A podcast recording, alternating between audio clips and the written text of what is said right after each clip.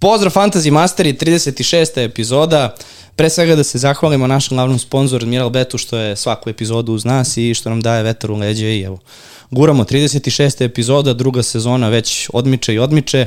Pred nama je naredno kolo premijer lige, sa mnom u studiju Čuka, stara dobra ekipica od nas, samo dvojice. Uh, pred početak epizode, ja mislim da je prvo i osnovno što moramo da pokrijemo i popričamo definitivno ono što se desilo na utakmici Liverpoola i Tottenhama i da objasnimo ljudima od prilike šta se desilo, vrlo verovatno gde je greška i ajde da čujem, jel misliš da treba ponoviti utakmicu, koliko god je to nerealno naravno, i onda nakon toga da, da pričamo dalje.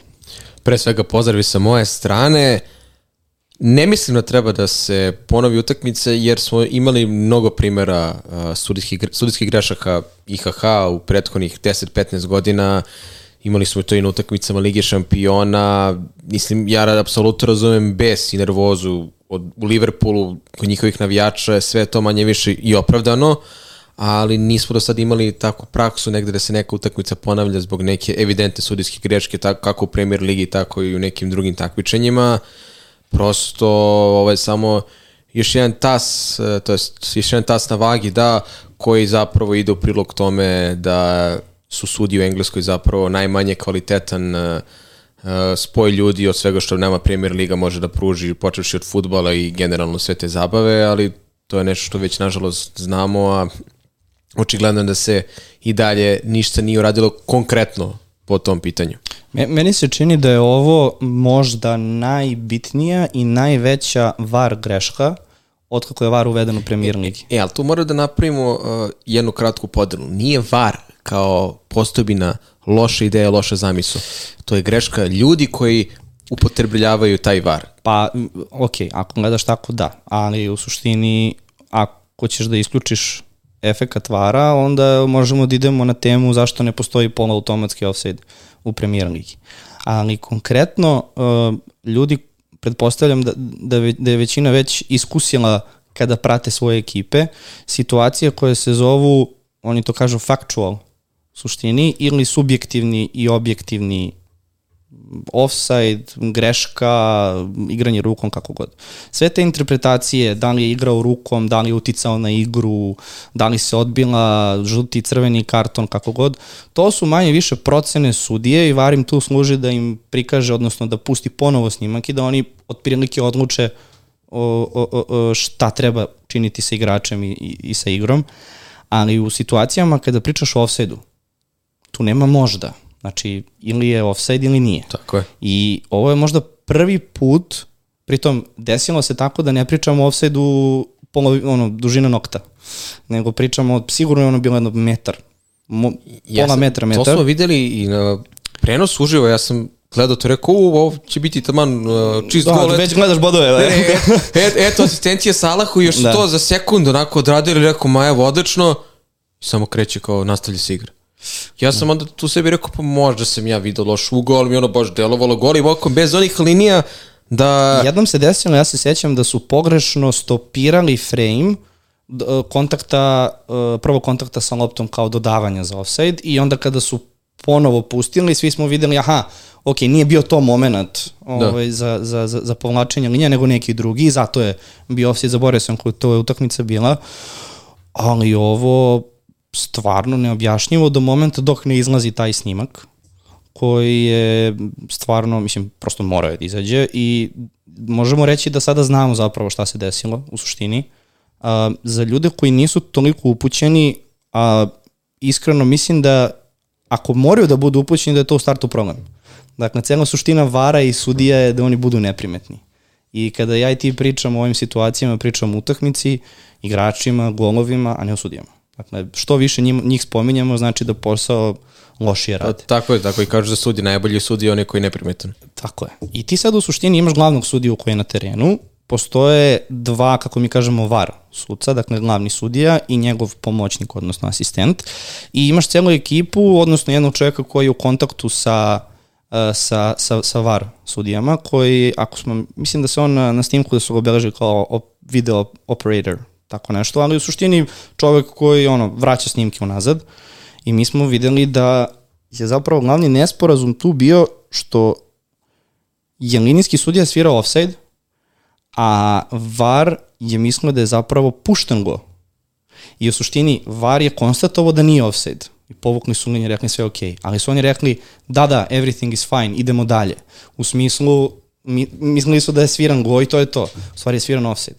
I tu je bila greška. Mislim, meni to i dalje ne objašnjamo. Oni gledaju utakmicu uporedo sa sudijom, sa nama, Slažem sa se, igračima. Odmah, odmah se vidi u kadru kako sudija diže zastavicu i, i da oni to nisu primetili. I da nisu Četvorica njih, ne znam koliko ih je u sobi. Trojica, četvorica, koliko god da ih je. Pa na kameri ono što mi Da. vidimo tako, nešto, trojica, četvorica.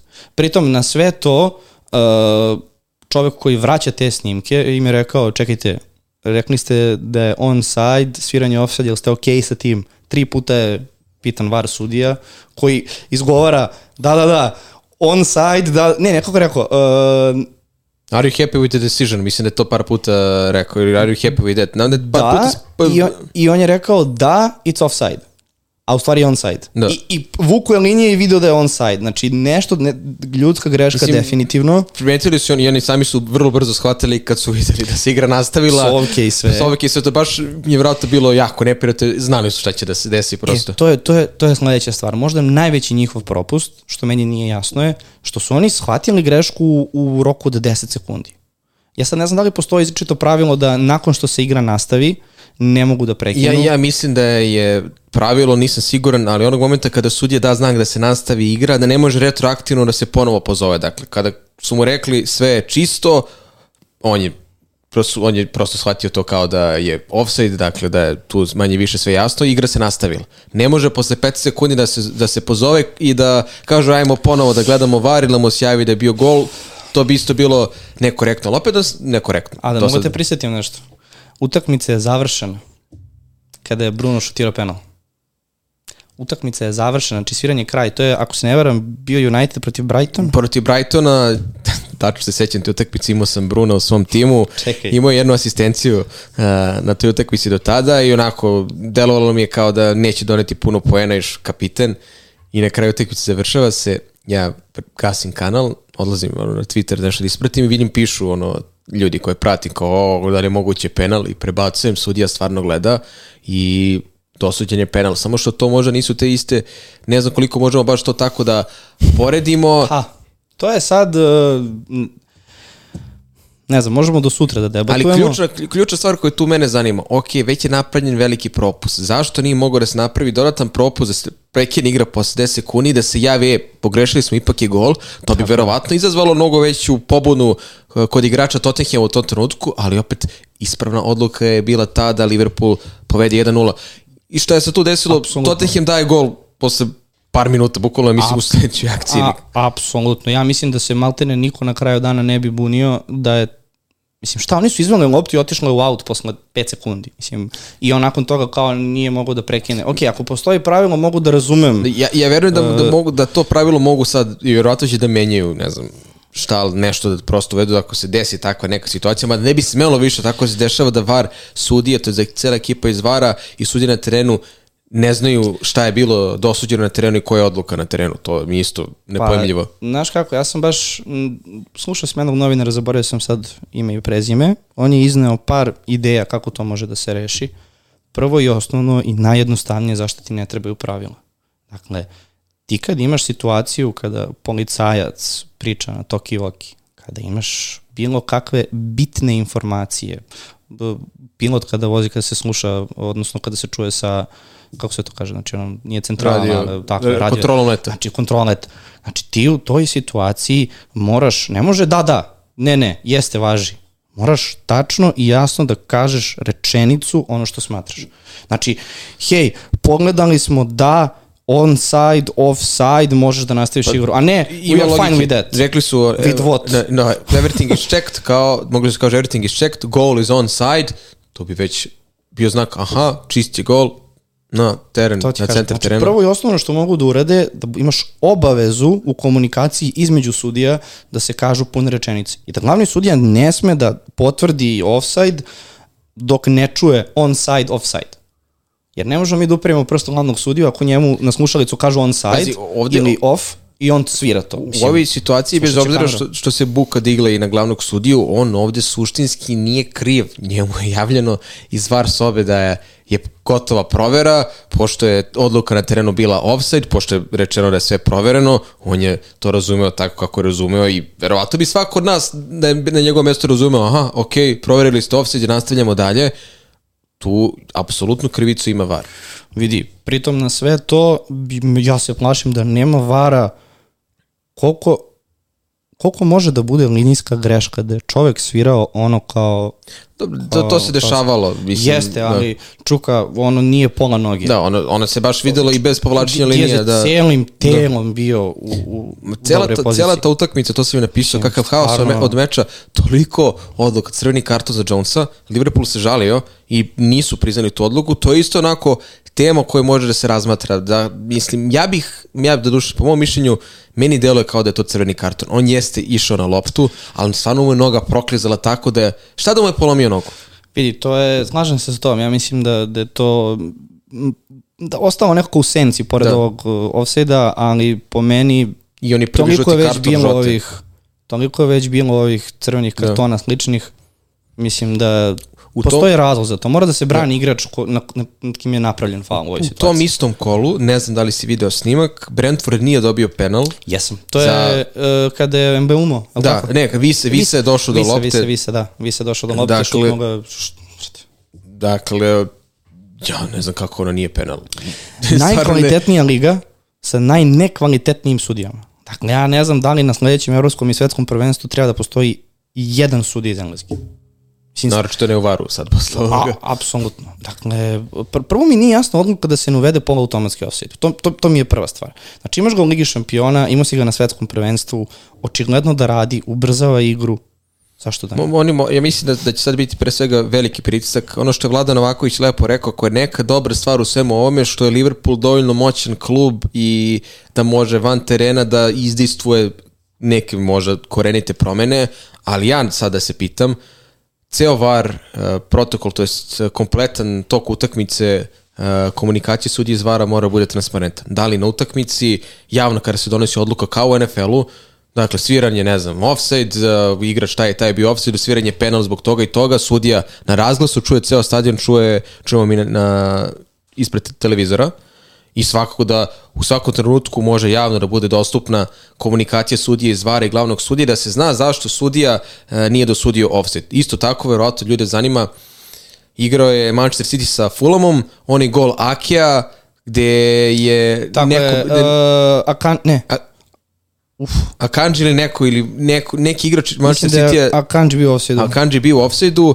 zašto to nije bio offside, da dosuđen offside za neku drugu situaciju u par kola po, posle. Mene bi e, baš interesuje da čujem audio uh, uh, uh, iz utakmice uh, City United derbi prošle sezone kada je onaj go Ra, uh, Rashforda, kada je Bruno bio Da. A, ni offside, što da, si- mene to živo interesuje kako su to ovaj, Men- mene, na primjer- prezentovali, ali to je subjektivno. Da. I mi sad tu možemo da polemišemo kako je to na terenu viđeno. Ali da, da, ako postoji jedna stvar koju javnost i navijači i klubovi zaslužuju posle ovakvih kikseva koji se ponavljaju kako na terenu, tako i od ljudi koji rade u VAR sobi, je prosto da je transparentnost najmanja stvar koju oni mogu da ponude, da na taj način bar zaštite leg- legitimitet nekih odluka i da se ne provlače teorije sumnje da neko nekog namerno tu namešta ili neki da se neki tim krade, gde dolazimo do onih drugih tema, ali svakako mislim da je to nešto najmanje što mogu da urade. Sad, ubeđen sam da u narednom periodu pod ovolikim pritiskom da će verovatno da se dodatno ta komunikacija VAR sudije i sudije na terenu verovatno da se da bude i stroža i Pa da... njima ne treba još jedan ovakav incident, to ako se desi, to će biti ozbiljna Da, posledica. tako da sad će verovatno biti pod lupom, mislim nije kao da nisu do sad bili pod lupom niti pod kritikom, ali ovo je verovatno najveći skandal u posljednjih godinu dana što se tiče suđenja i donošenja. Godinu dana? Ma, ovo, ja ovo računam kao najveći skandal Vara od, od uvođenja Ako Premier pričamo Ligi. samo o, o varu, vrlo verovatno. Mada vidi. smo imali, imali smo, dakle, ovu odluku, Manchester, gol Manchester City-a, zašto penal... Ali to su sve situacije koje će i VAR da gleda. znači ne možeš ti da isključiš sad samo grešku glavnog Tako, sudija. imali smo i onu situaciju gde su igrali Tottenham i Manchester United, gde Bruno pogodio Romero u ruku i nije bio dosuđen penal, a isto tako je Saka pogodio uh, Romero u ruku. Tako je, znači Nema... nema... Mnogo takvih odluka. Znaš šta tu fali zapravo? Fali neka konstantnost. Ako je penal, sudiš na obe utakmice penal, ako se da to, to sudi. E, slažem se s tim što to je, to je siva zona. Ta ruka Da. u 16 tercu i pogađanje u ruku, to je stvarno siva, siva zona od kako futbol postoji. I uvek će biti problema i to nema samo Premier Liga, to, to, to je jednostavno tako. Mislim, Ligi šampiona da. maltene sve što dotakne ruku je penal. Znači, a u Premier Ligi može i ne mora. Zavisi. To jeste siva zona, ali neke stvari prosto moraju da, da, da. Da. da, da se znaju šta rade. Pritom je komentar, e, kao sudije su bile u Saudijskoj Arabiji da, da sude ne znam koju utakmicu, jer u Saudijskoj Arabiji može da sudiš po jednu utakmicu i da budeš plaćen za to.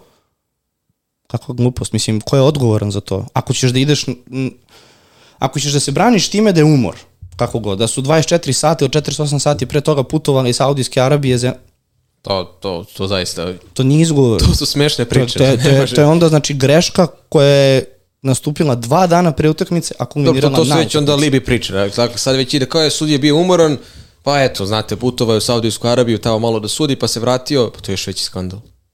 E, I, i, I sve da razumeš, i sve da objasniš i kažeš, ok, ljudska greška, dešava se.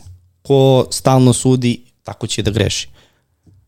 Ali na kraju dana da ti shvatiš da si napravio grešku, bukvalno evo, 5 sekundi nakon što se sve desilo i kao, a ne, ne, ne, sad se braniš, znaš, tim nekim pravima kao, ne, ne, ne, ne može, ne može, znaš, ko to ode. E, baš zbog toga mislim da je tu da su tu zaista mogli da pređu preko toga, da naprave dodatnu grešku u protokolu, pravilima, da pozovu sudiju da on prekine i da gol uh, Liverpoolu. Verujem da bi tu igrači Tottenhima skočili na njega, da bi se vjerojatno Tottenham posle vadio na to pravilo, kako nije smeo nakon donete odluke iz vara da na retroaktivno dosudi penal, ali bar mislim da bi bilo poštenije jer je Liverpool zaslužio taj gol. Mislim, ne u smislu da je zaslužio da, da, da bude poklonjen gol, dali su gol na terenu, bio je onside, dakle nije bio offside, to je moralo da bude 1-0 za Liverpool u tom trenutku. Da, apsolutno se slažem s tobom. Isto je pitanje Ali- za vas, uh, kako biste vi možda dodatno poboljšali uh, kvalitet suđenja u Premier Ligi, koji su neki vaši saveti, kako biste vi to... Evo, da se vi pitate i da donosite odluke koje bi odluke bile. Vrlo jednostavno. A, da mi sada ne pričamo celu epizodu o tome, a mislim da bi mogli. Kako Mogli smo bismo, krenuli. 20 minuta smo od- odvojili već na... Ovaj, dodaj Sudi. samo još i Mitrović pored VAR i to je to, imamo epizodu od dva Da. i po sata. Ajde da se vratimo na, na najavu narednog kola. Uh, idemo oni naš novi koncept, a to je da kroz pitanja ljudi koji Da. nas prate i igraju fantasy u našoj ligi, da kroz ta pitanja zapravo prođemo Tako je. najavu. Mi smo spremili najavu kola, malo smo sad, Nikola je prošao kroz sva pitanja, onako je sve to selektovao, pa ćemo posle i ubrzo, to jest nakon pitanja da prođemo kroz svaku utakmicu i malo iskomentarišemo, ali nekako delo je da kako mi prolazimo ta pitanja da dobre stvari rešavamo, to jest da dajemo odgovore na mnoge nepoznanice pred naredno kola ili za neki naredni period, tako Pa, da, da, eto, Nikola, izvoli. Pa evo, prvo pitanje je malo opširno, ovaj, a i opšte, a to je ko ispada iz ligije. Uh, mada evo sad, dok gledam ove sličice, moram da ti priznam, pomoglo mi je par puta, znaš. Zato onda kad, Pričam mi kao, u, ko nam je ostao čaj? Aha, da. pa, ja ne vidim ništa, ja vidim zid. Pa dobro, Idem trofej svetskog prvenstva. koji nema veze sa Premier Ligom. Nema veze. Uh, pa evo, ne znam da li se slažeš sa mnom, ali uh, delovalo je, mi smo svi rekli Wolverhampton na početku sezone, ali sad kako stoje stvari, Pazi, statement win, kako bi rekli englezi protiv Manchester City-a. apsolutno, apsolutno, ali ajde uz tu jednu utakmicu deluje uh, Sheffield, Luton i verovatno Barnley. Ja sam Da, očekivao... bez obzira, pazi, i Barnley i ovaj, Luton su došli do prvih pobjeda i dalje, i dalje, dalje smatram da su to tri glavna favorita za ispadanje. Tu bih pridao da kao neku ekipu koja će verovatno da se muči Everton. Apsolutno. Pazi, nakon one pobjede protiv Brentforda, da izgubiš kod kuće od Lutona, dakle nije dalje apsolutno, apsolutno, s tim što nekako mi deluje malo na duže staze to iskustvo koje ima Everton pored, Barnley. Očekivao sam Da mnogo više moći od da- Barnley, da- to je, da, to je da. suština. Očekivao sam da će biti, na, kako uvijek imaš jednu ekipu iz Championshipa koja dođe, da će odigrati dobru sezonu. Ajde, igrali su lepo protiv Manchester City-a, zaista je onako, bez obzira što su izgubili Ma, 3-0, delovalo onako kada ti dođe Barney to. koji si uvijek povezivao sa, sa Seanom Dajšom i njegovim načinom futbala, da je delovalo onako zaista zanimljivo. Bez straha, Da. agresivno, ali na kraju... Ali dobro, I pobe- pored toga opet i dalje nema nekih rezultata, ali ajde da vidimo. Pobedili su Luton i Luton je pobedio Everton, zabele- zabeležili su njihove prve pobede. Da, ostaje samo da vidimo sad kada će Sheffield da pobedi, da li može Fulham ta ekipa u ovom kolu, ali eto, to su neke... Ne, meni neko delo da će Luton definitivno biti zakucan za, 20. mesto. Imali su sad par nekih dobrih utakmica, ono što smo pričali. Do kraja sezone mislim da je Luton tu 20 i onako zakucan. Ćemo dalje. Može. Uh, još jedno pitanje, da li je pravo vreme za wild card? I mislim da je još negde isto bilo za wild card spomenuto, da, savjeti ako se radi wild card, impulsivno sam aktivirao i nema nazad. Pa, ova situacija je jako kompleksna. Mi smo prošlu epizodu posvetili povredama, do ove epizode smo dobili još povreda. Pa vidi, e, kako je krenulo do vikenda. Da se držimo osmo kola, m, prednost rađenja sadašnjeg wild carda verovatno može vam olakša da napravite ekipu tako što ćete se otarasiti igrača koji su zasigurno povređeni i eventualno ako se razočarani futbolerima Manchester Uniteda, Brentforda, Chelsea ako ih još uvijek imate. Ono što može bude mana je što nama sledi reprezentativna pauza, uh Mhm. -huh. a to uvek može da donese povrede nekih reprezentativaca na koje smo računali na našim fantasy timovima, pre svega verovatno onih van evropskih igrača koji možda putuju do Južne Amerike, da neko može da bude i na klupi, da dobije odmor na nekoj narodnoj utakmici, ali ako vam gori pod nogama i ako imate 5-6 povređenih igrača, može jeste pravi trenutak da se odradi wild card, eventualno da se pripazi da se ne uzimaju možda svi futboleri koji će ići na neku reprezentativnu pauzu, ali svakako ovo 8. 9. ili 10. kolo mislim da je neki, da kažemo, idealan period da se uradi wild card, jer idu neke promene što se tiče nekih težina utakmica, to je rasporeda od, kod određenih timova, tako da da, osmo kolo vrlo moguće, ali 8. 9. 10. idealan trenutak da se to je, tim... to je, to je da li je pravo vreme. Da. A onda imamo situaciju gde su ljudi aktivirali neki wild card. I sad, šta je za njih savet? Šta da traže? Šta dakle, da gledaju? Koje timove? Moja... Newcastle? Sigurno. Da, dakle, Newcastle, gledamo neki dugoročni raspored i performanse tima. Newcastle, verovatno, sad sa ovim Botmanom povredom i dalje može da se duplira odbrana, ali svakako neko iz odbrane Newcastle. Znamo da Aston Villa ima odličan raspored, videli smo. Jako. da, sad posle utakmice, posle utakmice Watkinsa, teško i njega. Pozdrav za sve moje drugare koji su izbacili Watkinsa pred ovo kolo, a ima ih. Tako da... da. Onda, uh, West Ham od 10. do 17. kola. Dobro. To su već tri tima. Da.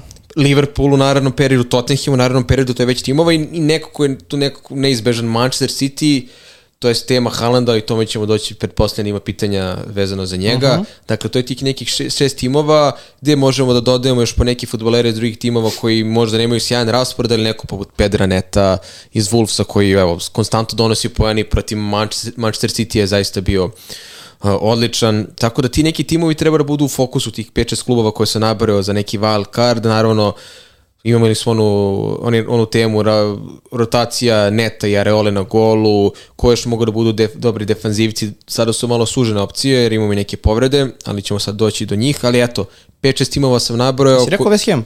Da, da, West Ham sam isto rekao, koji imaju kvalitetan raspored, mora da vidimo šta ćemo da radimo sa Arsenalom kao ekipom koja je takođe pretendent za titulu, ali eto, ukratko, timovi igrača koje treba prosto ciljati u narednom periodu. Dobro, ja bi izbjegao Arsenal, da stvarno imaju težak raspored, da. a m, trenutno sa povredama više ne znam ni da bi počeo od Arsenala, mislim. Doći ćemo sad do povreda, idemo pitanje po pitanje, verujem da ima sigurno Tako pitanje. Da, ko je ovo impulsivno aktivirao, nek mu je sa srećom, pa Verujem da će dosta ljudi igrati wild card, da će odigrati zbog povreda. Tako da... Pa vidi, zašto da ne? I to sa uh, uh, Diabijem i, i Bovenom na sredini, meni bi to baš bilo onako simpatično. Mm -hmm. Madison, na primjer, mada sa ovom dvojicom već možda imaš i para iza Sona. Ima tu raznih opcija. Stvarno ima. Uh, dobro, kaže, pitanje je da li smo razmišljali da organizujemo neki regionalni kviz ili skup? Si razmišljao na tu temu? Jesam, ti znaš koje su bile moje ideje za septembar, neću sad da otkrivam javno, neka to bude dalje tajna, ali svakako da to jeste nešto što nam je u nekom dugoročnom planu, malo je teže organizovati van Beograda, jer ni mi nismo odavde i treba sve to da se organizuje, ali ako se stvori prilika, ako nađemo neki lokal, nekog ko bi može želeo da nas ugosti, da nađemo neki pravi termin, što da ne, imamo zaista mnogo članova koji su van Srbije, van Balkana, van Evrope, iz svih krajeva sveta, ja bih zaista volao da se jednom okupimo u Hrvatskoj, Bosni, Sloveniji, Crnoj Gori, Makedoniji, pa eto i u Tenesiju kod našeg Miloša. Što da ne, ja sam baš uh, jedno vreme razmišljao o ovome, palo mi je na pamet da napravimo jedan skup uh, svih, da kažemo, fantazi, po znacima navodi, influencera i da napravimo, to su kao... To se radi u engleskoj, to je FPL Meet. E, bravo. Bravo. Ali sad kako ja krenem objašnjenje sa FPL mitom? Znaš, mislim, da. neko zna, neko ne zna. U suštini da se okupimo zajedno i da se napravi kao forum u suštini. Da dođu može. ljudi, pričamo sa njima, da, da čujemo mišljenje, jer realno možda, možda propuštamo nešto. Možda neki vid uh, objašnjavanja, uh, postovanja, tema koje bi trebali da obradimo, nama ne padnu na pamet, a su genijalne ideje. Samo ljudi jednostavno nemaju način na koji treba da nam da. pokažu da, da je to stvarno popularno među ostalima i da pokušamo, zašto da ne, da to snimamo ponekada i da napravimo kao kao sednicu neku. Razumeš? Pa ne, I da druženje. čujemo njihovo mišljenje, tako da. je, neke iskustva, neke anegdote, zašto da ne. Mislim da to može da bude baš interesantno. Planiramo ali... svakako možda malo To je ozbiljna malo organizacija. Rano, ali to je ali malo da. zahtevnija organizacija, jeste. Dobro, jednog dana probat ćemo, zašto da, da ne. Uh, kaže, da li se premalo spominje Avonji u okviru 8. i 9. kola? Pa teško, koliko sam ja spominjao futbolere da, iz Nottingham to... Forest imali su Gibbs White-a, najavili smo da Nottingham ima tri zelene utakmice to su... u narednom periodu, samo da pogledam ovde na raspod. Pa mislim, ako pričamo o naredne dve, Crystal Palace i Luton. Od da. toga Luton kod kuće. Mislim. I pričamo o Crystal Palace-u koji je poprilično sada sakaćen, nema ni Ezea i on je isto povređen. Vidjet ćemo da li će igrati Eduard, ko će tu igrati u napadu, da li će Aju i Mateta sami da nose napad. Anderson će da da dva. Da, Anderson će sa ivice šestesterca, ali što se tiče nas, ja mislim da Avoni zaslužuje svakako pažnju, da može bude dobar diferencijalni napadač, ali doćemo do tog pitanja koga da izbacimo iz tima? Halanda, Alvarez, Watkinsa.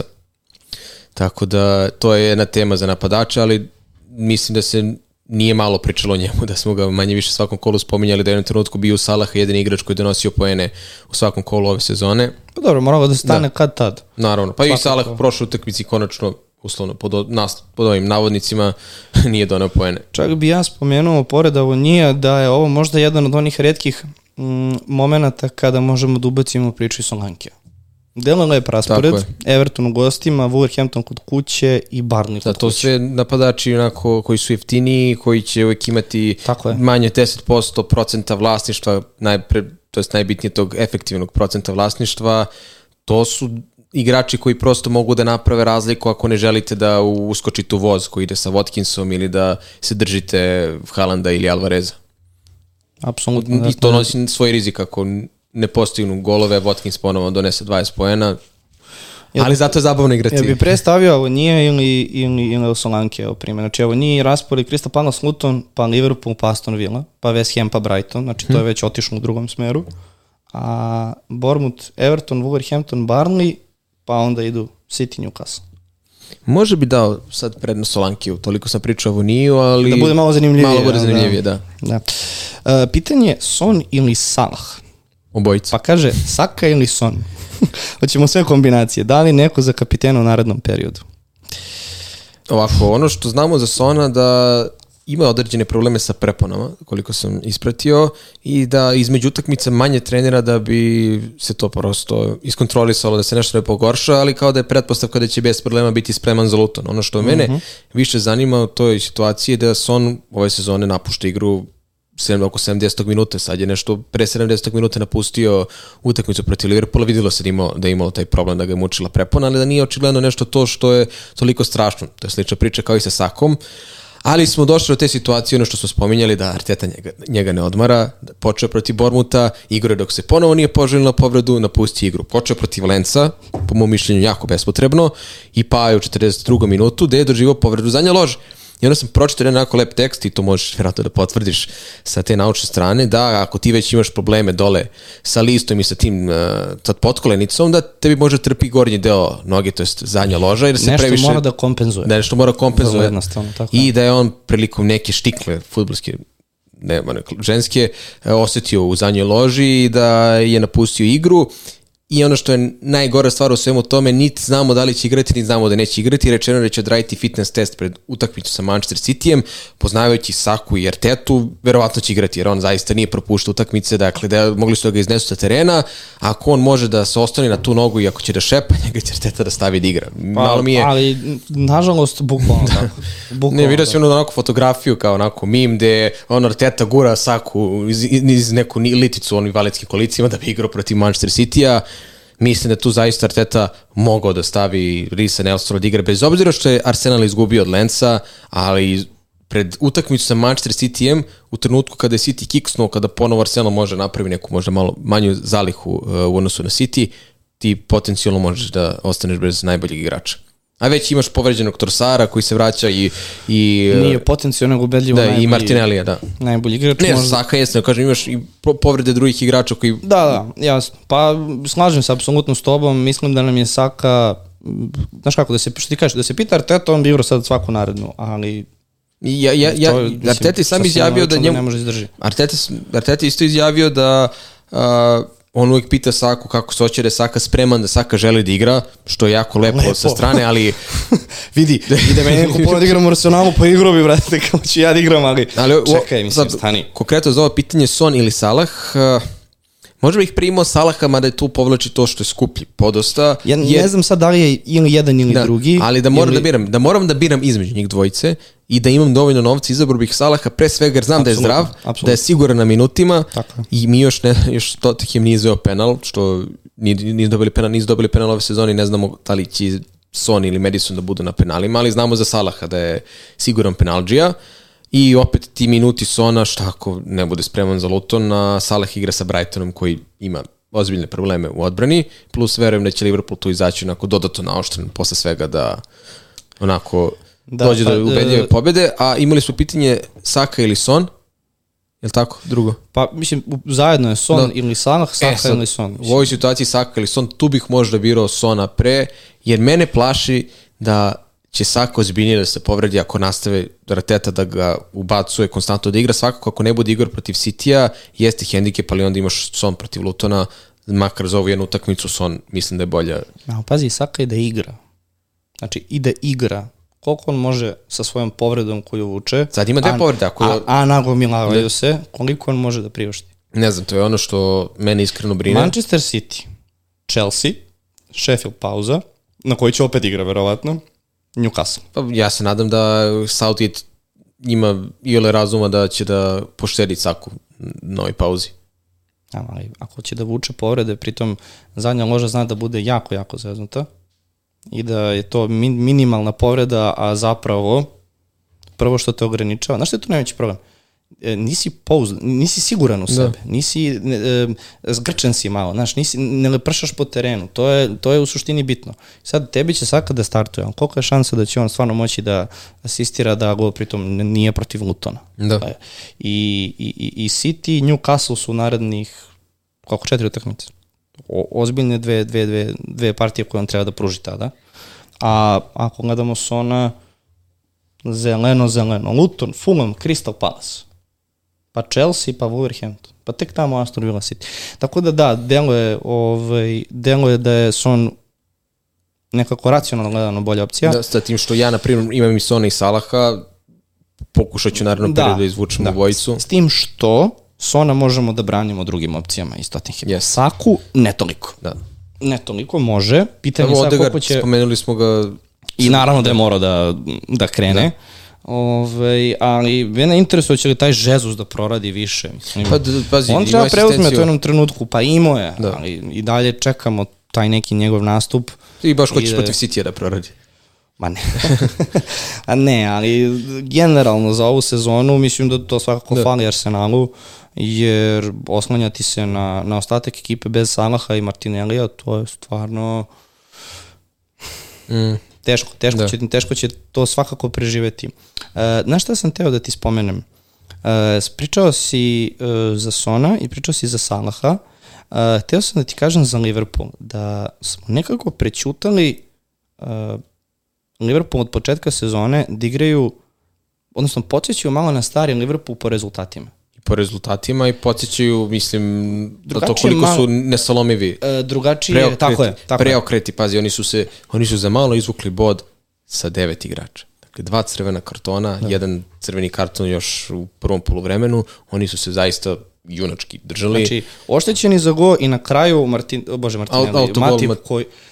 Ja ne Nesretno, znam, zaista. Stvarno, mislim, ne, pazi, nekako ne navijam ni za Liverpool, ni za Tottenham, bilo mi zaista žao Liverpoola. Baš mi je onako bilo Isto. krivo.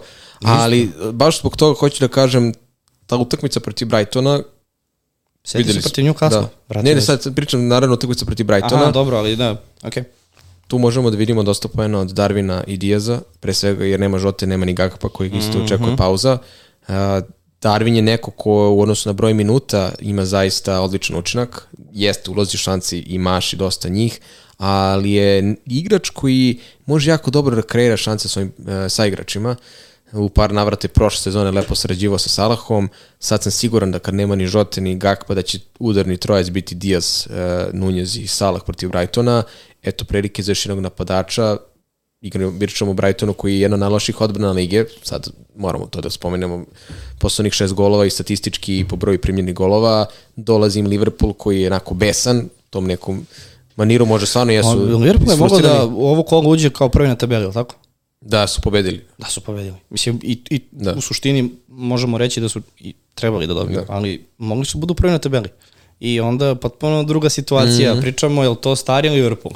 Je li to ono što... Pazi, Čega, u, u, u odnosu na početak prošle sezone, svakako je mnogo bolje izgleda Liverpool, dakle, to ono što smo pričali, na sredini imaju mnogo bolje igrače trenutno koji odlično funkcionišu od. Mekalistera Soboslaja, odbrana i dalje uh, nije na Jeste. nekom nivou, ali za razliku od prošle sezone imaju i dobru sredinu i odličan napad, malo sad ponovo kubure sa povredama, vidi i sa kartonima, ali svakako Liverpool je značajno konkurentniji uh, Manchester City pre svega, pa i onda i Arsenalu u toj nekoj borbi za titulu. Pa mislim i Tottenham na kraju koji sad tu skoro na vrhu što se tiče broja poena. pa mislim, vidi, znaš kako, narednih pet kola, dakle, to je mm, 15 bodova.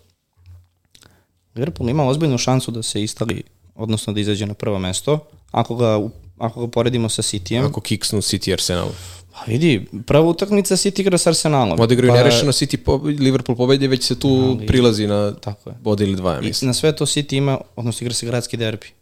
Dakle, ta, te nedelje Liverpool igra protiv Nottingham Foresta kod kuće. Imaju Everton, imaju Luton, imaju Brentford. Dakle, to su utakmice gde sad Liverpool stvarno, ako nastavi da igra kao što je do sad i da zaboravi na peh koji se desio protiv Tottenhama, imaju ozbiljnu šansu da skoče na prvo mesto i da probaju odatle da pariraju, da održavaju u toku sezone. Arsenal to nije uspeo prošle, ali mnogo bolja situacija nego, nego, nego, nego prošle sezone definitivno. A, pitanje je kratko, da li Andreas Perira dobra opcija za ovo kolo? Pa Fulham igra sa Sheffieldom, vrlo vjerojatno da možda iskoči kao jedan diferencijal kako iz prekida, tako iz igre, ali ako su ljudi na wild cardu, ne bih ga baš do- dovodio za jedno Da. kolo, niti mislim da je baš toliko vredan pažnje da se po nekoj ceni koju on ima, on eh, toliko dovodi samo da bi igrao protiv Sheffielda. Eto, Apsolutno. ukratko. E, dobro, pitanje je da li u ovom trenutku e, ima ikakvog smisla za bilo kog igrača Manchester United na duže staze. Pitanje koje nadovezuje šta ćemo sa Brunom, u suštini. Pa ovako, Bolje, bolje onako emotivno tebe da pustim. Mislim, ja bi, ovo, ja bi produžio pitanje. pa ajde, Mislim, vrlo dovrši ga. jednostavno. Šta se dešava? Jer svaki sezon imamo to Pa, e, pitanje mislim, o, u koga da- treba uperiti prstom. Ne, znaš kako, ja stvarno ne mogu više da sebe ubeđujem da svaki put treba da se uperi prst na trenera. Nije nijedan trener savršen, niti nije imao greške kako u donošenju odluka, taktika, odnose prema nekim saigračima, to jest odnos sa nekim futbalerima, ali mi ovde pričamo o nekom sistemskom problemu koji godinama navijači Manchester Uniteda prosto pokušavaju da reše počevši od njihovih, od vlasnika kluba, načina na koji taj klub funkcioniše u globalu, ne samo na terenu.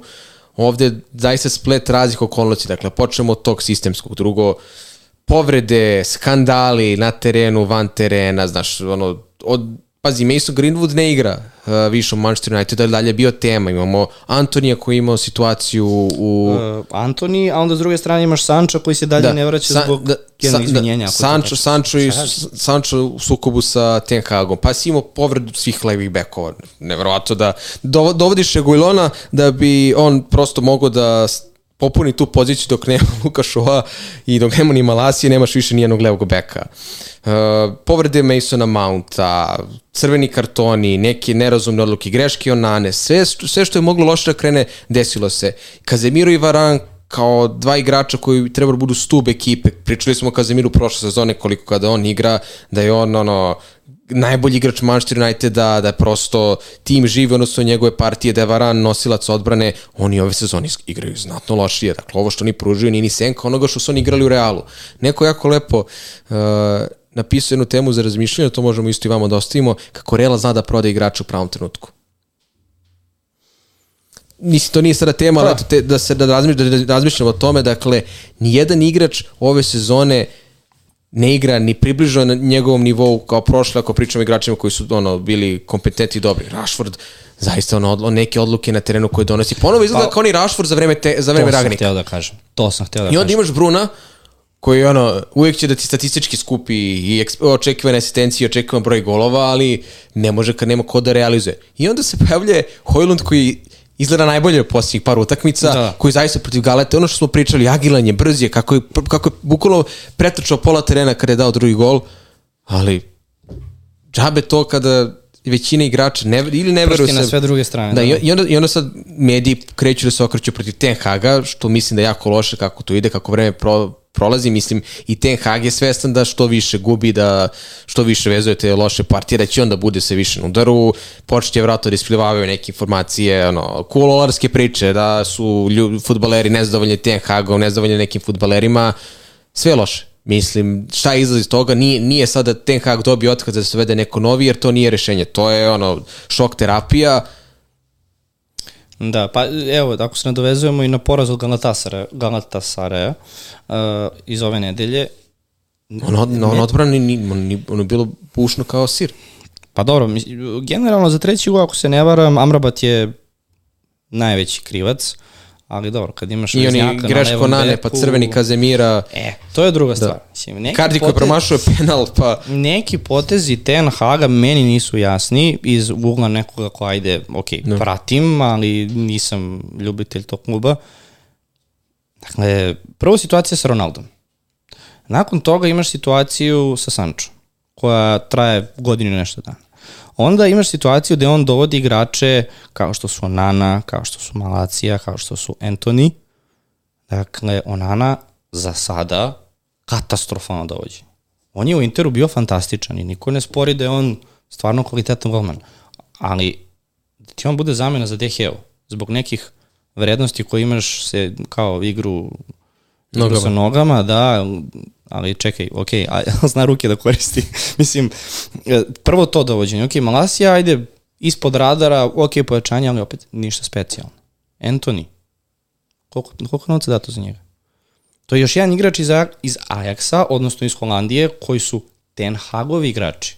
Znači nisu dovedeni zbog pregleda na TikToku, Instagramu, popularnosti, znači na čemu. To su namenski dovođeni igrači i on mora da stoji iza njih. još jedna stvar je da Hag kada je došao u Manchester United je rekao da mu nije potreban Ragnik kao neki neka vrsta sportskog direktora koji je i sam dok je bio u Manchester Unitedu predlagao neka zanimljiva rešenja gde smo mi posle imali informacije koga on predlagao ono, od Vlahovića pa do nekih drugih igrača koji mogu da pojačaju klub gde Ten Hag kao da je sam rešio da dovodi igrača što mi i deluje kao neko Moraš da prosto odgovornost zbog toga, Da. vrlo jednostavno. Dakle, ako dovodiš igrača koje ti želiš, mislim, I, i malo, malo su njegove izjave, njegov stav je onako bio poprilično samouveren nakon, nakon onog trofeja kad je rekao da ono, svim nekim erama dolazi kraj, tako i Manchester da, ja City. Pa, ne, nisam to teo da spominjem, jer to je nešto tipično na što se napale ono klinci. da, to su malo onako populističke izjave, ali za neke stvari onako U tom momentu je radilo. U Unitedu u tom trenutku bila potrebna osoba koja će da kaže kao što je nama došao Pixi rekao šta bre eventualno. Da. Pa idemo bre.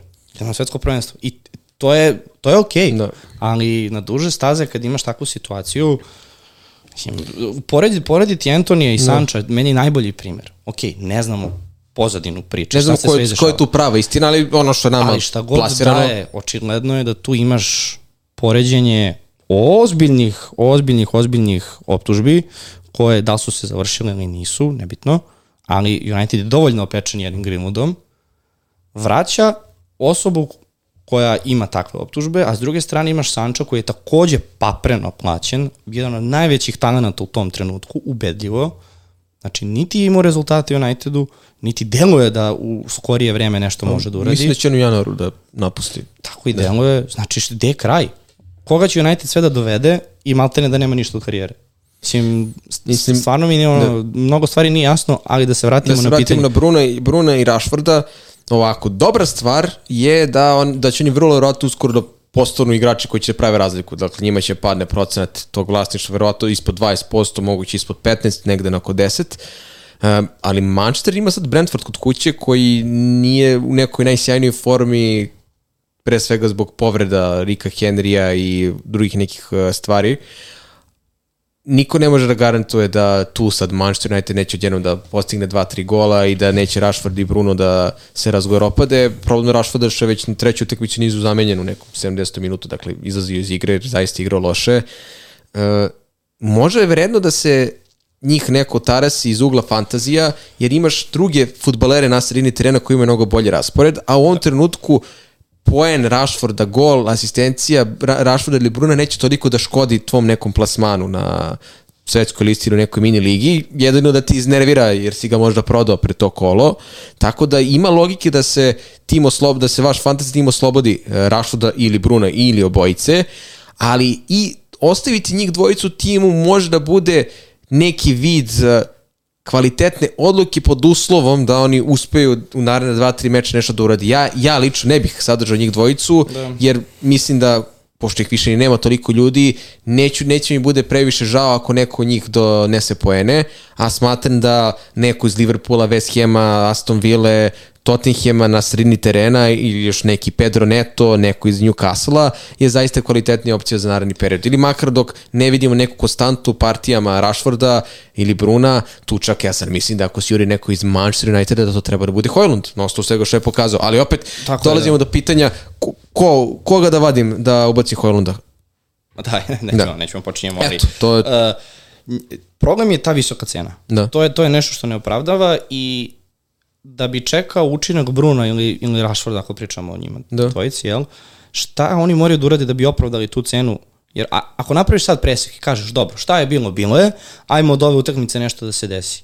Dakle, Bruno po ovim sada, da kažemo, igrama Uniteda, ja ne očekujem da može da više od jednog gola po utakmici. Eventualno jedna asistencija. Rashford isto tako. Tu je kora znači, stvar penali. Ako dobio penal, eto ga znam, Bruno... ali i taj jedan gol Bruna vredi isto koliko jedan gol da, bija. Mislim, Bruno i dalje je drugi u ligi po broju stvorenih šanci od početka sezone. A to je ono što delo je kao da ništa nije radio. Tu se pali lampica, da. jer u jednom trenutku taj XG koji ti mnogo voliš da gledaš, on jeste super, ali... XGI. XGI. Uh, on jeste super, ali on tebi tu pokazuje šta? S jedne strane braniš ga i kažeš on i dalje to ima, da. znači doneće. A ja ti s druge strane kažem, čekaj, dečko, ko je kola? I on ima takve brojke i ne donosi poene. Znači, Apsolutno. Znači, očigledno da tu nešto da. ne valja. Tako da, uh, mislim da, da zaključimo, da je realnije ići trenutno bez njih dvojice, da ako ih, ako ih ostavljate Pro... u timu, ako već želite idete tom logikom, ok, sad će svi da ih izbace, sad on, da Rashford donese, donese poene, donese 10 poene i napravi razliku ima logike da se tako razmišlja jer su pitanje dva igrača koje mogu vrlo lako da donesu poene, ali koliko je vredno čekati ih jer može neki son može neki... Ti si mi lepo rekao uh, sad pred utakmicu sa Krista Palasom za Rashforda, ako neće tad, ne znam kad će. Da. I eto šta se desilo. Ista priča i za Bruno. Dakle, da. prodajom jednog od tih igrača ti definitivno možeš da ozbiljno prebaciš te pare uh, i da usmeriš ka možda jednom Trippijevu, ka možda jednom igraču dodatnom iz da. Aston Ville, Bovenu, ako nije bilo razmišljanja, mislim, opravdati mm -hmm. opstanak Bruna u ekipi, pored ovakvog rasporeda Aston Ville, Pritom, nismo se dotakli Diabija, tek ćemo, da, koji izgleda da. i po znakom pitanja, ali ajde hvatamo njega kao da. primer sredine terena Aston Ville. Ovaj, tako da da, definitivno jeste duži bio odgovor, ali u suštini ja ne bi zadržao ni Bruna, ni Rashforda, a imam Bruna, tako da to je, to je zapravo moja, moja prodaja. Isto, ovo isto, isto. U ovom prodaja. trenutku mislim da nisu vredni da ih neko drži u timu. Uh, da li izbaciti Saku? Uh, to je zapravo verovatno aludirajući na raspored i celokupnu situaciju. Na, mi smo ga izbacili I do na 10 uh, poena, ali pričali smo o nekom dugoročnom uh, pregledu svega, gde ti imaš dva velika upitnika iza Sake, gde da ima novu povredu koja se ne doveze na tu, taj problem sa listom ili ahilovom tetivom, gde svakako igraš sa Manchester Cityjem, toj utakmici ne možemo da kažemo je sigurno će doneti poene, ima malo nezgodni raspored, plus uh, plašim se da on odigra protiv Manchester City-a, da ne donese I, poene. e, i I, Clay. i, ne, i ne, ne donese poene, ali onda ustanove da je zbiljniji problem i dobije odmah protiv Chelsea ili Sheffielda, vjerojatno protiv Sheffielda i da opet tu na dve od tri utakmice ne donese poen. Gledamo to na taj Ma način. ajde što je on startovao pro, da. prošlog, prošlog kola, nego što igra nego šampiona, Da. to je tek bilo ubistvo za njih. Stvarno mi nije Da. jasno. Mislim, I kao, kao da je moralno da, Da. se se poredi. Mislim, o, o, neverovato je, ja mislim da je to jedini primer futbalera koji je na tri meča u nizu napuštao igru zbog povrede i da je igrao, igra. igrao start, da je bio starter. igra. Ja, ja, pazi, ja znam da je Bruno taj koji je ono 100% fizički spreman, njemu niko ne može ništa, ništa i Saka, verovatno futbaler koji je zaista toliko spreman da može se oporavi za 5 minuta, za 5 dana, ali ovo je očigledno neki ozbiljan hroničan problem, da nije normalno da ti futbaler izlazi tri puta i svaki put je sve manje igrao. Dakle, protiv uh, Tottenhama negde pred kraj meča, protiv Bormuta 70 i neki minut, protiv Lensa 40 i neki minut. To je ozbiljan problem. Mislim da je isto to tema gde Saka vrlo verovatno u- nekim dugoročnim razmatranjima može bude neko ko će da bude zamenjen u smislu fantazija.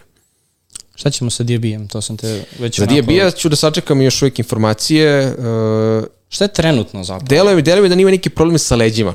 Kao da je nešto ušinuo, tako je, tako je delovalo. Logično da će dobiti odmor protiv Zrinskog. Uh, na osnovu izjave Emerija nakon utakmice ustanovljeno, to jest on je rekao da ne bi trebalo predstavlja problem za naredne mečeve. Ja mislim, to je bolje rečeno, nadam se da je ovo, ovo što je dobio Diaby odmor čisto reda radi, nakon da iz predrestrožnosti i da će biti spreman e, da igra za vikend, ali svakako da sačekamo konferenciju za medije, jer ako je bio povređen, to je već problem ljudima koji su na nekom wild cardu njega doveli ili imaju još stupinja na Saku i još neke futbalere, ali sačekao bih, čak bih možda i eventualno kolo istrpeo da ne igra, jer verujem da ovo nije E, nešto dugoročno. To mislim da je nekako naj, neka zlatna sredina Da, u cijeloj priči. bilo bi pogubno da se izvadi, da ne, ne odigra ovo kola i do sledećem donese pojene, a Aston Villa ima odličnu E, utakmicu. toliko dobar raspored ima, a delo je da je on uz Watkinsa stvarno, Da.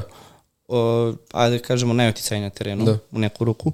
Tako da mislim da ako ga imate, nema nikakve prodaje, osim ako se ne, po, Da. ne uspostavi da je stvarno neka duža povreda. Nego, brate, na klupu, pa Da. ovo kola, oni igraju protiv Wolverhamptona. Šteta. Mislim, ok, možda se ispostavi da će igrati. Pa šta sad, nek rizikuju, ali da ga ne prodaju. Da. Staviš ga na klupu, ok, pauzirat pitanje će šta ako nema neku klupu? Hm? Šta ako nema neku klupu ili ima isto povređe? Pa vidi, nek mu donese dva više od, od da. mislim, pa dobro, ako će da mu donese samo dva boda, onda ostavi Diabija, mislim, možda će igrati. Da. Mislim, šta ti znači? To da imaš dva, plus dva boda, plus jedan u ovom trenutku, ne mislim mm. da, ako se slažeš, nije to liko krucijalno. A, e sad kaže, a, pitanje je Saka u Diabija i Alvarez u Watkinsa za minus četiri. Isplatili se.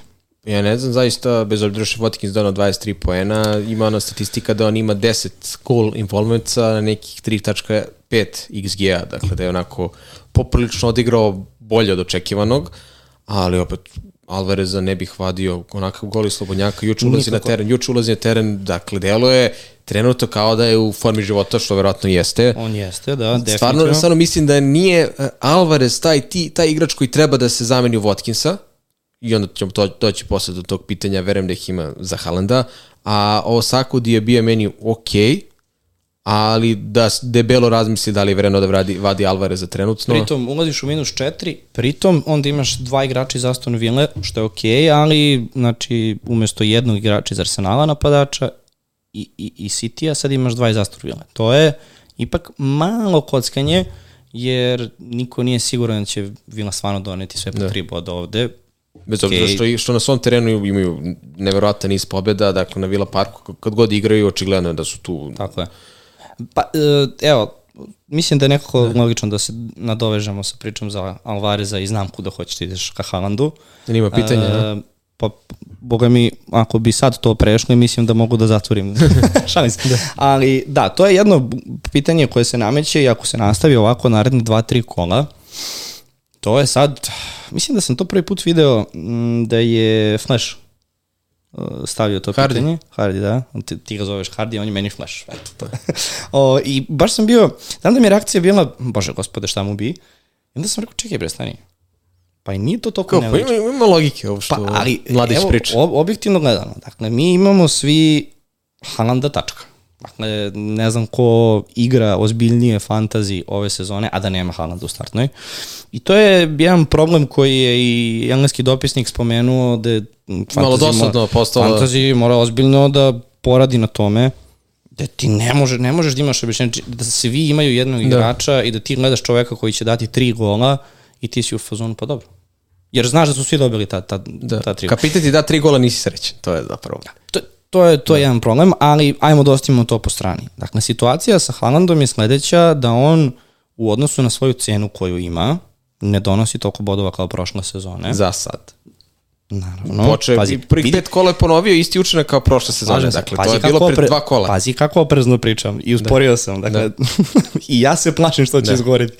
Uh, dakle, za sada ne donosi toliko bodova, dok u istom trenutku imaš Alvareza iz iste ekipe, koji, što ti kažeš, deluje u formi života po duplo manjoj ceni. I done nešto samo malo, pa nekoliko pojena manje od Halanda za sada. Apsolutno. Pritom deluje način igre ulogu koju je dobio i evo sad ako obratimo pažnju na Ligu šampiona, gde se je zapravo odmarao dobar deo da. utakmice, deluje, što se tiče sredine i napada, pored Halanda, de Alvarez, jedini siguran. Dakle, ja ne mogu da zamislim situaciju gde će City izaći na utakmice protiv Uniteda i protiv Arsenala, pa samim tim i protiv Brightona i da Alvarez ne igra. Ja ne mislim, ne, nemam objašnjenje za to, osim ako nije neka povreda ili nešto njegovo, da, da Pep hoće nešto sad da izmisli neku top, novu topnu vodu. Deluje, makar je sad je ovo Ligu šampiona prošla utakmica koju sam gledao, um, Alvarez je jedan hibrid Gundogana i Kevina. Dakle, on ima ulogu koju je imao Kevin uh, u fazi napada kada lopta ide sa sredine terena tu da kažeš poslednju trećinu. Ali kada se skupe, kada se City raširi i priđe 16 tercu, Alvarez preuzima ulogu Gundogana. Apsolutno. I nešto preuzima, nego što je totalno zamenio. Dakle, raspon uh, šuta, način na koji šutira, Alvarez je superiorni od Gundogana, apsolutno. I Jedino, prekide izvodi. I, I prekide izvodi, što je jako bitno. I ne da ih izvodi, nego je već i dao go iz prekida. Pauk, u stvari skida dva. paučinu. Dao je dva da. gola iz prekida.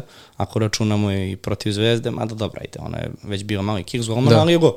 Je on dao, jeste. Yes. Uh, tako da, jedino što njemu i dalje fali je taj osjećaj za prostor iz van 16 terca da uđe na drugu stativu koju ima Gundogan, ali ruku na srce, City ove sezone igra drugačije. I situacije za takvo letanje su mnogo, mnogo reće. Tako da ne možemo ni da pripišemo to kao nešto što Alvarezu fali, jer realno nismo ni imali priliku da tako nešto vidimo. Ono što je definitivno da je opet Guardiola promenio formaciju, znači više nije 3-2 4-1, nego je 4-2-3-1, znači neko da mi ikad rekao da će Guardiola igrati sa postavom 4-2-3-1, ja bi se krstio, a igra, što znači da je njemu Alvarez tu zapravo... Desetka. Pa da, u neku ruku desetka. Uh, s tim što ok, on to nešto vrati sa Fodenom, njih dvojica dolaze u sredinu, 1-2 dodavanja i tako dalje, ali u toj situaciji desetka ima ozbiljnu ulogu. Ozbiljno. Tako da, e, opcija da Salvarez ostavi u, u, ostavi u svojoj ekipi, mislim da dolazi u situaciju da mora, da se neko pitanje ili, forma. mislim... E... Pa mislim, pazi, e, generalno su sve situacije, moj pitanje e, da li ostaviti Alvareza, a prodavati Haaland. Mislim, evo, Haaland je out, Salah i Darwin in. Pojavljuju se polako pitanja sa prodajom Haaland. Znaš? I sad, ja, ja znam kako ti to gledaš. I to, i, e, Znao sam da će to biti, ali ćeš čuješ... To je, mislim, lepo, lepo je to kako ljudi sad razmišljaju, jer te pare svrbe. Da, to je 14 jeste. miliona, Vid, dok ne padnu pet, ne padne pet da. golova protiv jednog Jel, imaš, ajde tu da prođemo samo par pitanja pa da sklopim priču otprilike za Halanda, kako ja to vidim. Šta, će ti izvučem pitanje? Pa ne, mislim, nastavi par pitanja ako su tu za City vezana da to objedinimo. Pa evo, pazi, mislim, prvo pitanje je bilo za Alvareza, ovo što sam spomenuo, pa onda imaš, spominje se izbacivanje Haalanda iz ekipe zbog teškog rasporeda, mišljenje upitnik. Kako smo mišljeni izbacivanju Haalanda za Alvareza i oslobađanju budžeta? Haaland je out, Salah i Darwin in. Tri pitanja za redom. Mhm, mm -hmm. sad pazi ovo. Svim da li imaš negde. Jedno, mi smo svi Haalandovi robovi. To malo zvuči onako... Uh, A, ovo ide u naslov da. epizode. dakle, mi su svi Haalandovi robovi, zamisli sebe, dakle, kao da si onako vezan za Haalanda, koji je onako jedan ogroman gorostas, koji ide fantazi svetom i gazi sve pred sobom. Mi postajemo slobodni ljudi onog momenta kada nemamo Haalanda u našem timu, da se prosto snalazimo u tom nekom fantasy svetu gde Haaland ide i gazi sve.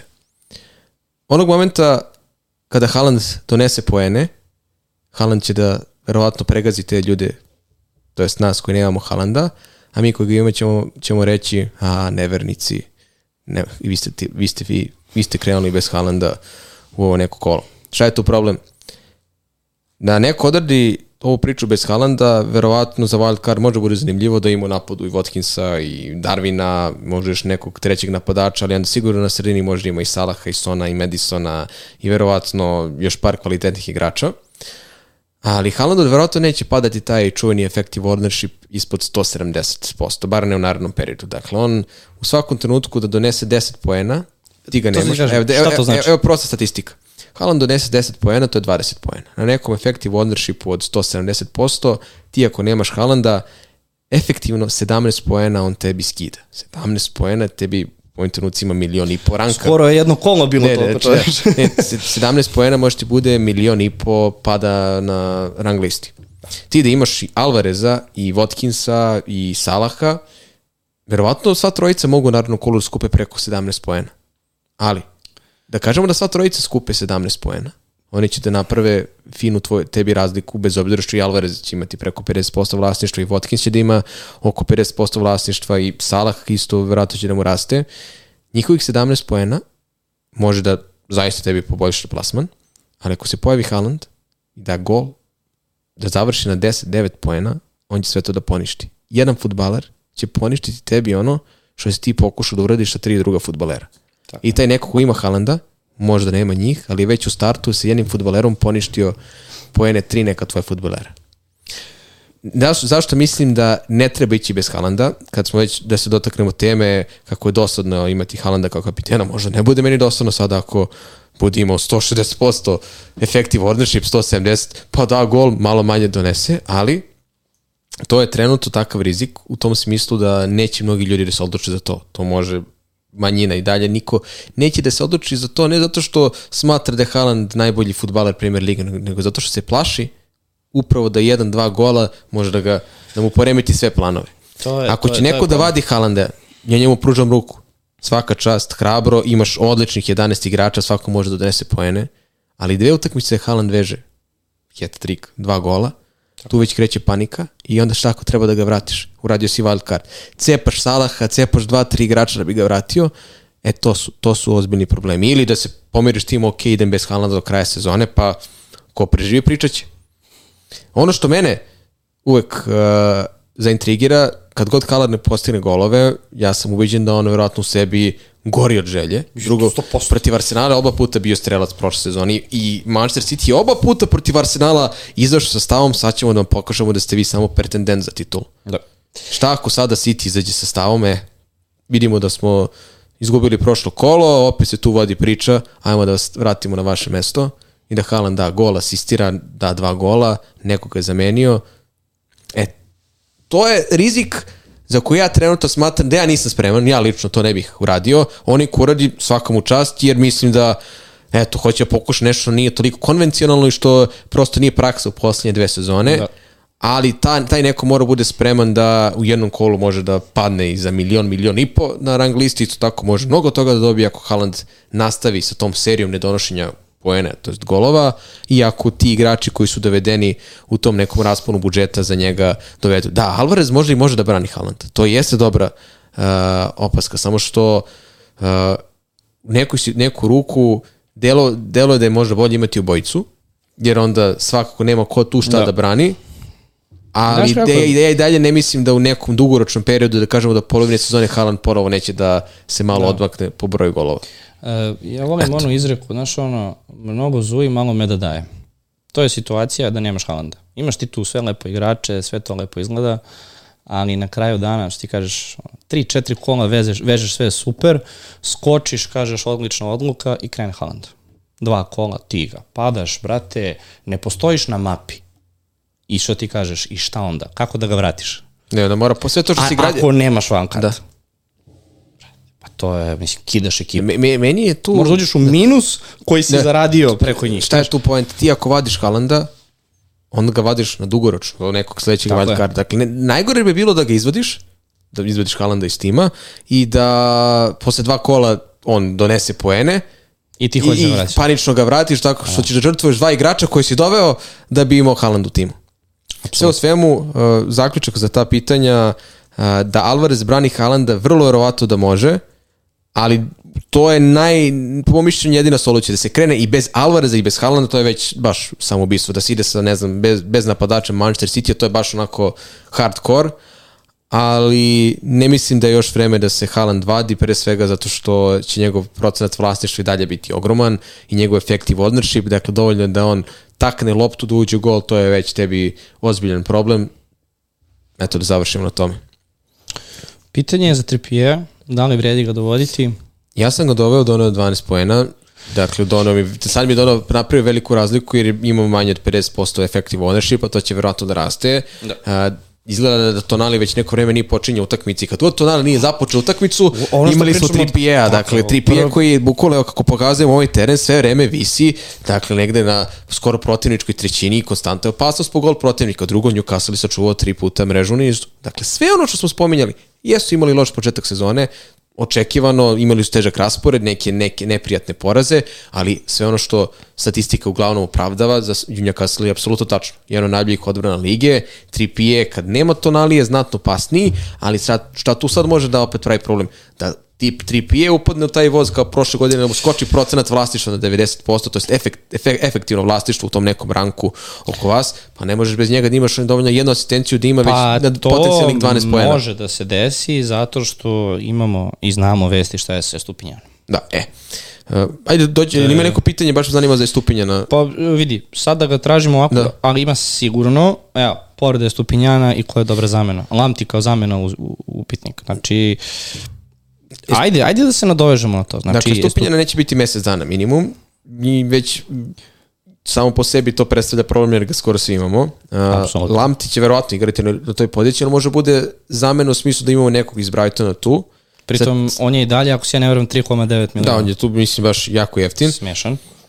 Ali druga stvar je odbrana Brightona koja zaista... je, I njihov raspored, njihov Liverpool raspored City, do nekog 10. 11. kola svakako mislim da ne bi trebalo da baš Lampti bude taj koji će da bude u vašem timu umjesto je Stupinjana. Ako već treba da se juri neka zamena, daj da vidimo nekog eh, iz Newcastle, može Dan Burn, evo šta čovjek radi, dao gol u Ligi šampiona. ja sam dao to gol. hteo da spomenem, da se nadovežem na 3 ali sam ubacio je Stupinjana u priču jer si rekao šta ako su ga svi dovode. Dan Burn, onda ako neko nema Matija Keša, Mati Keš skoro svakoj utakmici prodire pro krilu, Tako je. E, stvara šanse sa igračima i on sam može da uđe u priliku za gol. Onda Tottenham, Pedro Poro, uh, Destiny Udogi. E, e, to, su, to su zamene za stupinje jer znamo da on neće igrati. To je, to je onaj moment kada smo pričali šta ćemo da radimo sa Stupinjanom, jer u jednom trenutku bilo pitanje, ok, da li ga imati zbog teškog Da. rasporeda? I ja sam ti rekao, ovaj moment kada se desi Liverpool i Manchester City, ako nisi siguran, ostaje ga na klupi, pa će on posle toga igrati. Mesec dana povreda. Koliko je to narednih kola, s obzirom da imamo reprezentativnu Ja, pauzu? da mislim tri ili četiri kola, ali i opet jedan kad se vrati, ja ne verujem da će odmah da bude starter, to je pitanje kako će to da se... Ali većinu perioda koji on neće igrati su utakmice protiv Liverpoola i City-a. I onda se vraća i ima Everton, Sheffield, Nottingham Forest, Chelsea. Ne, to je sad ponovo...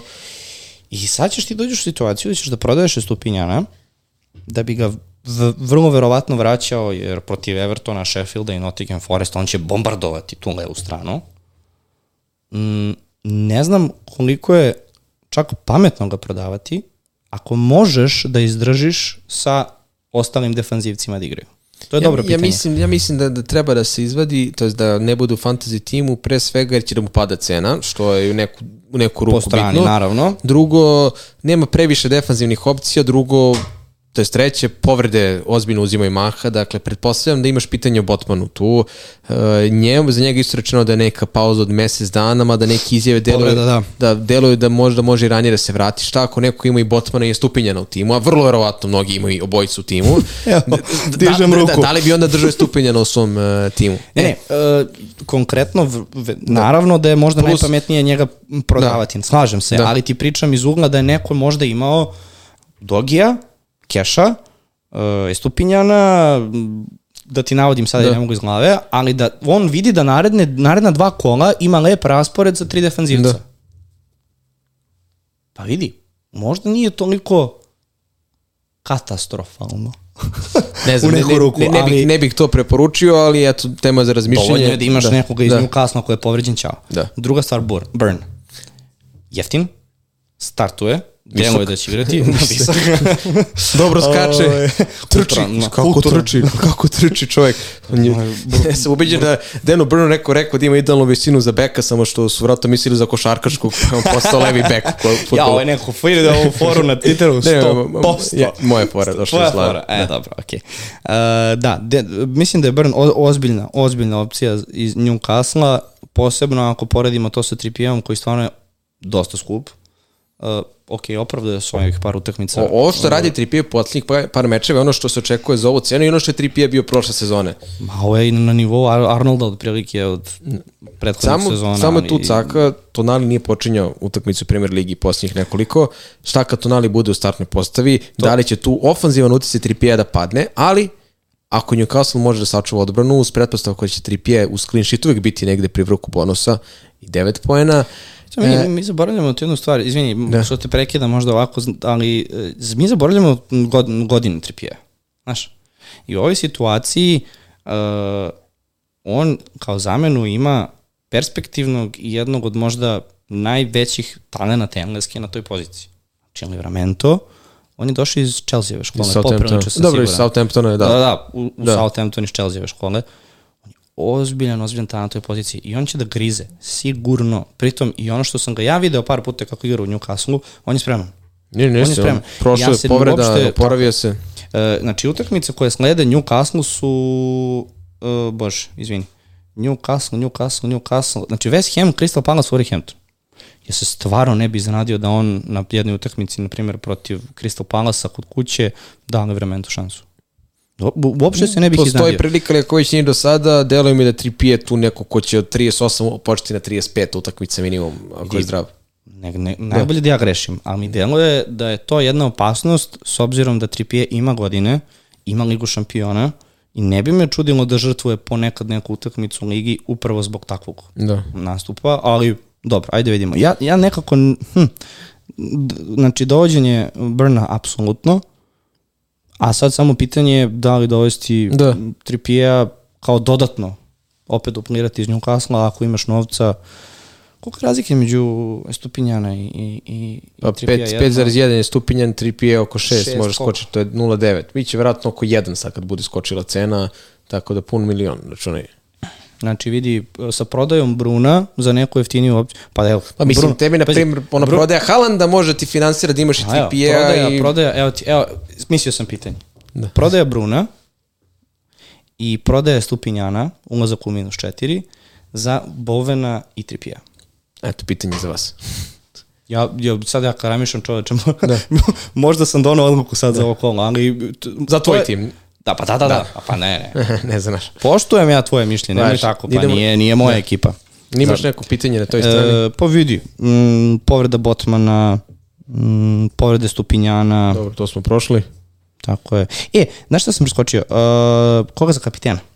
Koga za kapitena? Koga za kapitena? ako Haaland, ja verujem da u ovom kolu Haaland verovatno neće imati onih 195, 196 effective ownership, mada ne verujem da će imati zaista manje od 170 ako bude imao, onda je zaista uzdrman Haalandov, uh, da kažemo, primat uh, kao ne, ne, neizostavnog kapitena na fantaziju. Pa ne, sa tim što da, se- da, ali ovo kolo mislim da futboleri Tottenhema i Liverpoola pre svega, mislim, malo zvuči čudno uh -huh. Brightonu koji smo toliko hvalili, ali ono što oni igraju, mislim da Brighton pre svega ima problem sa njihovim šesticama napred koji nisu dovoljno kvalitetne u odnosu na Mekalistera i Kajseda koji su tu bili, koji su tu manje više rotirali, ne uvek na toj poziciji, da podnesu pritisak protivnika i da kvalitetno iznose lopte ili- ili da te lopte posle vraćaju posred, da oni ostavljaju često odbranu na vetrometini.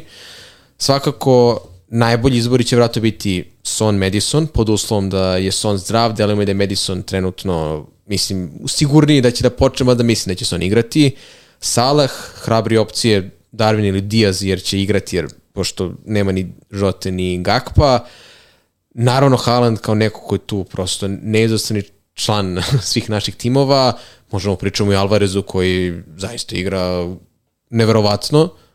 Dakle, to su ta dva, tri tima koje možemo da ciljamo. Neke hrabrije opcije u odnosu na raspored, možda neki Taivo Avoni, sad ću da pogledam tačno raspored, da. Dakle, neki Taivo Avoni protiv uh, Crystal Palace u gostima, I Luton, to je. da. Pa, Znaš, Ne ne, ne, ne, nema, e, nema eze, e, mislim, Everton kod kuće, vidio sam, do, sa par momaka sam pričao Calvert Luinu, dao je gol Lutonu, to stoji, dao je dva gola na, da, dao je dva gola na dve utakmice, je- ali ja stvarno ne, mo, ne mogu sebe da ubedim da je to igrač prvo vredan da ga dovedem, jer Da. vrlo, vrlo lako može da bude mesec dana out, ja moram njega da vadim. Gubim transfer. Drugo, e, takav Everton nije ofanzivna sila. Dakle, bez obzira što imaju na papiru dobru utakmicu kod kuće, on može bude dobar diferencijal, ali za kapitena zaista se ne bih toliko ohrabrio da mi Calvert-Lewin bude kapiten, bez obzira što bi mi vjerojatno bio pre 3-4 sezone kada je Ancelotti bio trener, ali za ovo kolo dovoljno da dovoljno bude šaroliko da ispričamo, to je da damo primere nekoga iz Tottenhima, Liverpoola i naravno standardno eh, Manchester City-a. Ne, izbegao sam Arsenal jer mi je Arsenal uvijek delovao onako, neću da kažem da su se uplašili City-a prošle sezone, ali imali su sjajnu priliku na, na um, Emiricu, iz greške primaju prvi gol i posle ih City na kraju rešava sa 3-1. Na Etihadu ono zaista bilo demonstracija sile Manchester City-a, gde mi deluje kao da Arsenal u glavi ne mogu da kažem da ima kompleks Manchester City-a, ali da ulaze često, da, da su ulazili u te utakmice sa nekim stavom da nisu možda dovoljno spremni i da će naročito City posle poraza od Wolvesa verovatno da izađe Znaš kako naš City trening, odigra da- kad kad, izgubi. kad god izgubi, ne bih tu sad možda rizikovao sa nekim iz Arsenala, ali evo dovoljno za početak i tu neki diferencijalne opcije, tu ću još malo da istražim, pa će biti na stranici. Uh, što se tiče kapitena, ja bi to uprostio. Uh, mislim da izbor ovog kola, sad ću kao da kažem nešto i prepametnu stvar, ali stvarno mora da bude neko iz Tottenhema. Uh, bilo koja druga odluka je stvarno već, što, što ti kažeš na Instagramu, za hrabrije. Da. Uh, pa to bio bilo ko. Dakle, pretpostavljam da većina ima ili Sona, ili Madisona, ili obojicu, uh, ili Pora, ili Udogija, ili koja god da je Da. opcija. Ja mislim da protiv Lutona ne mogu da maše. Znači, staviti Sona protiv Lutona, apsolutno. Staviti Madisona ako ga imate, moramo da proverimo da slučajno ne dođe do nekih novih informacija oko povrede. Da, to je jako bitna stvar da vidimo šta, šta ako Son ne bude igrao, onda Madisonu verovatno skaču šanse, pa I obrnuto. ako neko ima Richarlisona, A, treba da se zapita da. za dosta stvari u životu, a šalim se. A, dobro, on Delo je dobro na krilu. Ovo što je Delo- igrao sa Sonom je zaista bio dobar link up. Da, par navrata su odlično Jeste. kombinovali.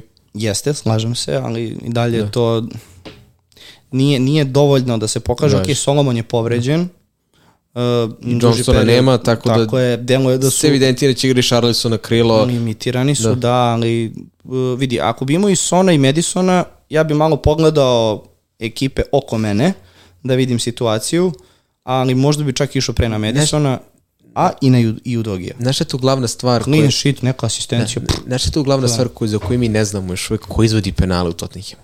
Da znamo da je bio jedan penal izveden pa da ga izvodi Son, 99% bi vjerojatno igrao na Sona. Ali da, da Madison isto izvodi, kao neko koji je protiv Liverpoola stvorio toliko šanci, ono što je Alisson njemu skinuo, svaka čast Alissonu, dakle opet je bio na korak od gola. Madison, kako je da. slao I trenutno je... deluje zdraviji od Sona u tom smislu da se ne priča o njemu kao potencijalnom povredi. Pa, da, da, da.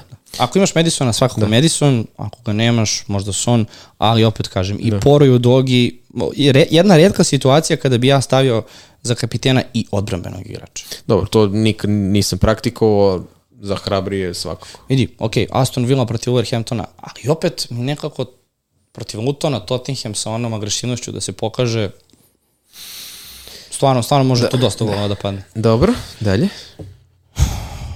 Dalje, nema dalje, ima, nema. Da li ubaciti Tottenhamove defanzivce? Mislim. Dobro, to smo sad prošli, svakako. Tako je. Mislim, evo sad pitanje, najbolji igrači sredine terena do 7,5 miliona. Do 7,5 miliona, pa... Ono, U Zagradi, što... Bowen, Mitoma, Diaby, Neto, Gordon, Ward Prowse. Da, to su sve futbaleri koje sam tu, ono, otprilike u tom nekom opsegu cene. Mitoma, Ne vidiš sad Mitoma... što neto, neto ne, ne možemo da računamo do 7,5 miliona, neto je koliko, 5 i... Pa da, ali svakako jeftinije od 7,5 miliona. Vidiš, Mitoma je ponovo, on će, ne znam koliko će imati procent za vlastištvo, ali vjerojatno će to biti nekih 20, 25, može 30, verovatno ga već dosta igrača prodaje. Uh. -huh ali eto, u tu neku ruku on vrlo lako može da naškodi odbrani Liverpoola, mislim, Da, to je jedna tipična... Seti se ko je, ko je postigao hat trick na Anfieldu. Tipična utakmica. Ko je postigao hat trick na Anfieldu? Trosar. Trosar, da, bravo, za bravo, bravo, bravo, to je bilo to koma.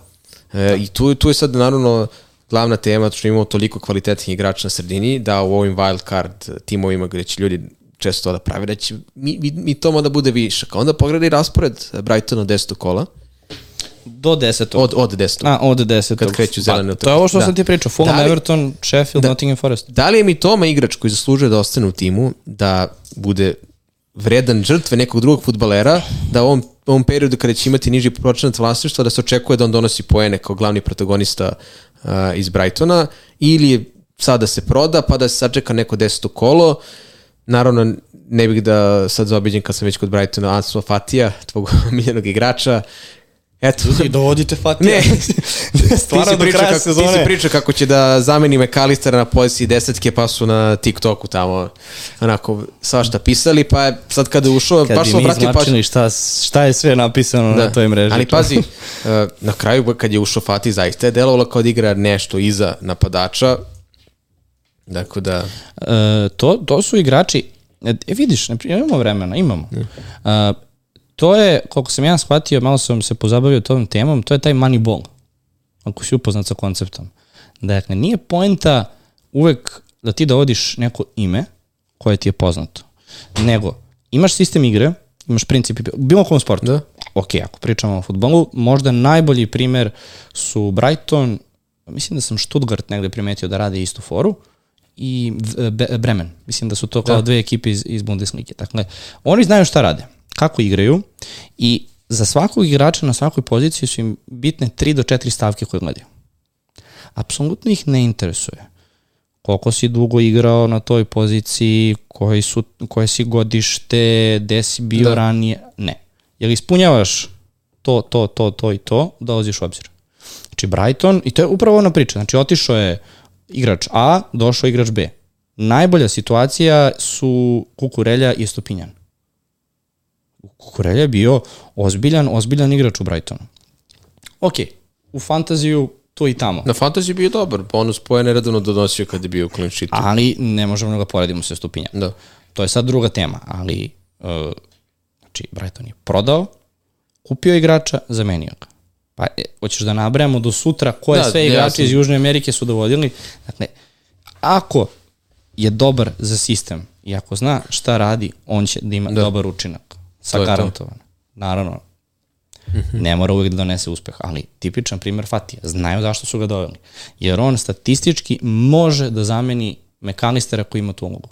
I on ako nastavi ovako, on će stvarno donositi i imaće neki uspeh u Brightonu, ali ja ću biti najsrećniji ako ćemo da se opet vidimo ovdje u aprilu, maju, ja kažem ne, čekaj, čekaj, čekaj, stani, stani. stani. I izločimo kao zlopamtilo. A, vidiš šta je napisao ovaj. Eh, to vidimo nećemo, nećemo, nećemo zlopamtilo, ali mislim, mislim da će on imati lepu, da. lepu karijeru. Tako da, Dobro. A, Dalje. Što se tiče ovoga, da, znači mi, spomenuli smo mi Tomu. Imaš na kraju, mm, mislim, još na zadnjoj strani. Pa mislim, ima priča oko MBUMA. To je jedino pa, ostalo. I on je isto nešto poput mi tome, neko ko je imao dobar početak sezone, dosta ljudi ga je držalo u timu, Brentford sada ulazi u ozbiljan raspored sa tim što igra, igra sa Manchester Unitedom, pa opet može se priča i idealna prilika za sve da uzmu bodove Unitedu. Isto onako, delo je da je on malo igra previše po strani, da nije toliko direktan po gol protivnika, a opet ključna stvar je što trenutno ima 5-6 veznjaka koji imaju i bolje utakmice i trenutno Mnogo. igraju bolje, Mnogo. da je možda Beumo višak tu. Eto, ukratko, što se tiče njega i verovatno Vise kao napadača, toliko smo napadača spomenuli, zaboravili smo Visu, ali mislim da je jasno da u ovoj konstataciji sa ovih nekoliko napadača zaista tu nema trenutno šta da traži. Bilo je pitanje u jednom trenutku šta da radi, šta da radi ljudi sa Morisom, pošto su ga dovodili Pa, za men- duplo kolo. men- po mom mišljenju je Morris bio Ali- bukvalno za to duplo kolo, jer I to je to, da. po toj ceni zaista bolje da drži napadača 4,5 miliona na klupi i da tih 2 miliona u, prosto utopi u Trippier ili nekog iz igrača sredini terena nego da igra Morris koji Mi, mi smo pričali o tom giveawayu za Morisa, ali probali smo ja i ti. poručit ćemo dres kad stigne, ima tačno 10 poena. Gde ćeš da ga poručiš? A, znači, bude, daj, nemoj da me ćemo. zezaš. Pisat ćemo moram- na Instagramu, znaćemo se. Šta je odgovorio bi fazon. Ali ne, znači ljudi koji ne znaju, dogovorili smo se da ako, ako se ne vara Moris donese dvocifrene brojeve u, u duplom Da kolu, prepara. Daj 10 tačno poena. Da, da, ispun, Ispuni. vidi, dvocifreno. Da. da ćemo davati giveaway uh, dresa Morisa. Ali imamo jedan problem. Mi smo očekivali da će jedan premier ligaš da ima sajt, odnosno svoju prodavnicu otprilike na nivou ne znam, ne znam kako da opišem. Valjekana. pa otprilike tako nekako gde otprilike možete da poručite čarape i, i, i dres za decu koji čak nije ni domaća garnitura, nego Treća, je treća. Znači, ne, ne, na, na prodavnici ne postoji opcija da kupite kao niti personalizovan dres, niti da kupite dres nekog igrača. Pritom u ponudi uopšte nema dresova za, za, za, za kao, kao domaća garnitura. Znači oni su to znaju Rat- koliko ima navijača. da. Pa da, mislim, koliko ima budala pored nas ovako po svetu koji će To dobro. iz Srbije da naručujemo dres Morris. A Eto, ako, neko gleda, ako neko gleda ovo, a da je sa teritorije Engleske, to je Velike Britanije, eto može bi mogu da nam pomogne da dođemo do dresa Lutona i Morisa. Mislim da, mislim da ćemo ga lakše sami napraviti nego, ali Da. ako pronađemo opciju ili da kontaktiramo ove stranice po Instagramu što prodaju dresove, možda mogu Može da ima neka Luton, Srbija, Balkan Fan stranica. Ne znam.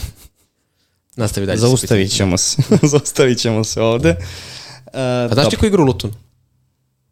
Brate, Ne, bivši selektor Srbije. Radomir Antić. Zvali su ga Radi. Ready. Radomir Antić igra u Lutonu. Da. Dobro, ali treba mi bude sramota što on ne znam. Pa, sam proceni. Eto, da li treba Nikola bude sramota što ne stane? Ali, A čekaj, je Radomir ali sve što uradim, znači sve što je pitanje, on će da postavi u kameru pitanje. Znači, to, kaže. šta treba ti, nisi ni znao Ajmo, da ajmo. skoro ko je Radomir Antić. Ne, danas Znači, da počinje gađa Euroliga. sad. Danas počinje Euroliga, puno sreće Lakiju i našem projektu koji je vezan za Euroligu. Uh, ima još jedna je- strana sa pitanjima da to završimo. Pa, aha, mislim da se ponavljaju manje više. Da može ima nekih par onako... Pa mislim, vidi, povrede u City-u Kunguševski ili Richarlison, eto, to je jedno sad. Možda bih primao Kuluševskog nego Richarlisona, jer je Kuluševski, ovde što sam izvukao, među najboljim igračima i u prošlom koli generalno među stvorenim šansama, tako da, eto, neki ide prenos Dekiju. Pa da, mada ne, ne, ne bih ga možda ja birao. Od svih igrača iz Tottenhama... To je ako, ako ne želi neko da ima Sona ili Madisona, želi upravo nekog na sredini terena, Kuluševski pa Richarlison. Da. da. Uh, kaže, treći napadač pored dvojca i City-a. Pa ako Koliko imaš novca novca, imaš, to to je- već ono, da li možeš da izvojiš i za Watkinsa, Darvina, to je već sve skupo, da ne pričamo o Jezusu, to onda sredina sa četiri igrača, može i sa tri u nekoj formaciji 4-3-3, to je jako kompleksno, ali eto, to je par napadača koji to mogu uz njih dvojicu. Tako je, Areola ili Onana, mislim Areola. da apsolutno bez Da. razmišljanja. Zbog Areola. cene, Cena, raspored, forma. da, i rotacija s nekim cijenim golmanom. Sve. Da, Da, da, da, cena, da, cena je je- prioritet, pre To je, svega. to je svakako da. I, I ima pitanje za Stonesa, pošto se on sad vraća, mogu da ti priznam da ja nisam dobio, odnosno nisam vidio nijednu potvrdu da se Stones u skorije vreme vraća na teren. Da, a šta je pitanje? i pripreme. Stones na fantaziju. Pa u suštini Stones se vratio, opcija za dalje. Pretpostavljam da je pitanje generalno i Stones, a samim tim da li će doći do neke promene. Pa pazi, dokle god Stones prvo ne uhvati ritam da može kaže da će da igra svaku utakmicu dok naravno ne, ne, ne dođe na klupu ili dok ne bude rotiran, Ne znam da li će i dalje da ga Pep tako gura ispred uh, zadnje linije, da ga koristi, to je sad zaista pitanje. Sačekao bih pa nek vreme pokaže kad on zaista bude spreman, mada da. nije nisam naletao baš na Twitteru da negde onako piše da je Stones uh, bio, kaže, bio na klupi uopšte, mislim da nisam ja ispratio da sinoć.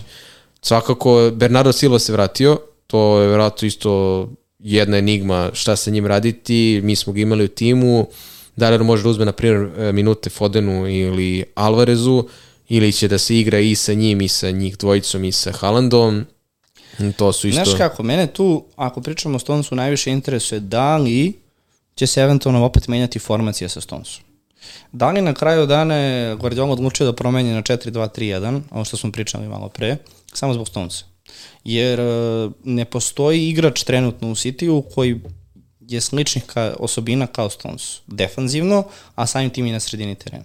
Mislim, doveden je, doveden je ovaj, uh, o bože, došao Kovačić, ali e, nešto je tu problematika kod, kod Stonesa. Svi ga, svi ga stavljamo kao jednu popularnu opciju za fantaziju iz razloga što ide napred i što je na toj kao sredini. Ali ako ostane ista formacija, Stones je zamena za Rubena, Stones da. je zamena za Vokera, na toj desnoj strani ili kao drugi štoper. I šta onda? Dakle, ne postoji razlika između njega i Rubena ili Akanđija, Vokera, kako god, a vidiš da Voker može da donese ponekad neku asistenciju, ali ako se vrati stara formacija, što bi ja iskreno, iskreno volao, da to ide Gvardijom, Ruben, uh, Akanđi ili Voker, Da, Voker je poprilično ofanzivan ove sezone, bukvalno pokriva tu krilnu poziciju kad treba, jer Jeste, nema kod da igra. jer igra sa četiri sada da. pozadi i, mo, i daje mu da. prostor da to radi. Ali ako se vrati na tri pozadi, nema njemu mrdenja. Nema, da. Znači, ostaje pozadi i ideš sa, sa Rodrijem i sa Stonesom. Znaš, uh, mislim da povreda Stones i njegovo vraćanje nije toliko direktno nama potrebno za fantasy za Stones. Da. Ali može doći do tumbanja formacije i tu onda već možemo da pričamo o ulozi Alvareza na potpuno drugačiji način. To je nešto što sam teo da, da izdvojim. Jel ima još nešto da si ti... Imamo pitanje kada će gost, sad ne znam da li... Da, imali, imali smo pobednika naravno septembra meseca, momak iz da. privatnih razloga nažalost ne može da goste, mi smo se čuli sa njim. To je tako, trebalo danas. Da, trebalo da danas da. da bude, tako da sledeći gost će biti ili neki specijalni gost u nekoj pauzi ili pobednik uh, oktobra meseca. Pa, pošto je reprezentativna da. pauza, da. mislim da je, da je red da, da dovedemo goste nekog i da pričamo malo i, o drugim temama. i, i o drugim da. temama. Da. On, ono što sam htio da vidim sa tomom, ako nema pitanja, možda brzinski da samo prođemo najavu kola, meč po meč, da ne bih baš da Pa mislim, vidi, ajde, svakako hoćeš samo ovo kola, jel? Pa da, da prođemo najavu ovog kola, dakle, otvaraju subotu Luton i Tottenham, pre svega će se vjerojatno vrteti oko Madisona, Sona, Udogija, Pedra Pora kao četiri najpopularnije opcije. Verovatno da dobri diferencijali mogu da budu i Kuluševski i Richarlison sad kada imaju problem sa povredama kako za ovaj meč, tako za naredni period. Tu očekujem pobedu Tottenhama. U Lutonu mislim da u narednom periodu nema potrebe da se raspravlja. Barnley Chelsea Chelsea odigrao jednu sasvim korektnu partiju protiv uh, Fulama, pobedili su 2-0, čak i Mudrik došao do svog prvenca, konačno i Broja je bio strelac, Palmer je delovao dobro, ali svakako ono, tu je bila priča o Sterlingu, o Gustu, o Chilvelu. Chilvel je povređen, Sterling bio na klupi, ima neku isto povredu ili mislim da je bio bolestan nešto ta dva, ušao sa klupi i dobio žuti karton. Chelsea ima ozbiljan raspored, mislim da u narednom periodu. Jedan moment je lepo to prokomentarisao, Sanchez i Colville su donosili podosta poena u poslednje vreme, bez obzira što Chelsea ofanzivno bio poprilično onako ne baš dobar, jer onako i Colville je uspevao i da ili sačuo mrežu, ima sad i asistenciju, clean sheet, 12 poena, Sanchez ima neke odbrane, ali ako ih neko ima u timu, može oni mogu da budu neki dobri diferencijali za ovaj meč, jer redko ko će da se zadrži na futbolerima Chelsea-a, ako ih već neko nema, nije ni to smak sveterim procenat vlastišta, prosto nije takav. Everton Bournemouth, to je jedan six pointer, tu smo spomenuli, dakle imamo dva napadača u vidu calvert i Solanke koji mogu da budu dobri diferencijali, verovatno će bojice biti na nekom niskom procentu vlasništva. Ove sezone Dukure zaista igra dobro i jedan od najboljih igrača Evertona, neko koji poprilično često bio blizu golu, što se tiče nekih ostalih igrača odbrane oba tima, mislim da to zaista nije vredno pažnje.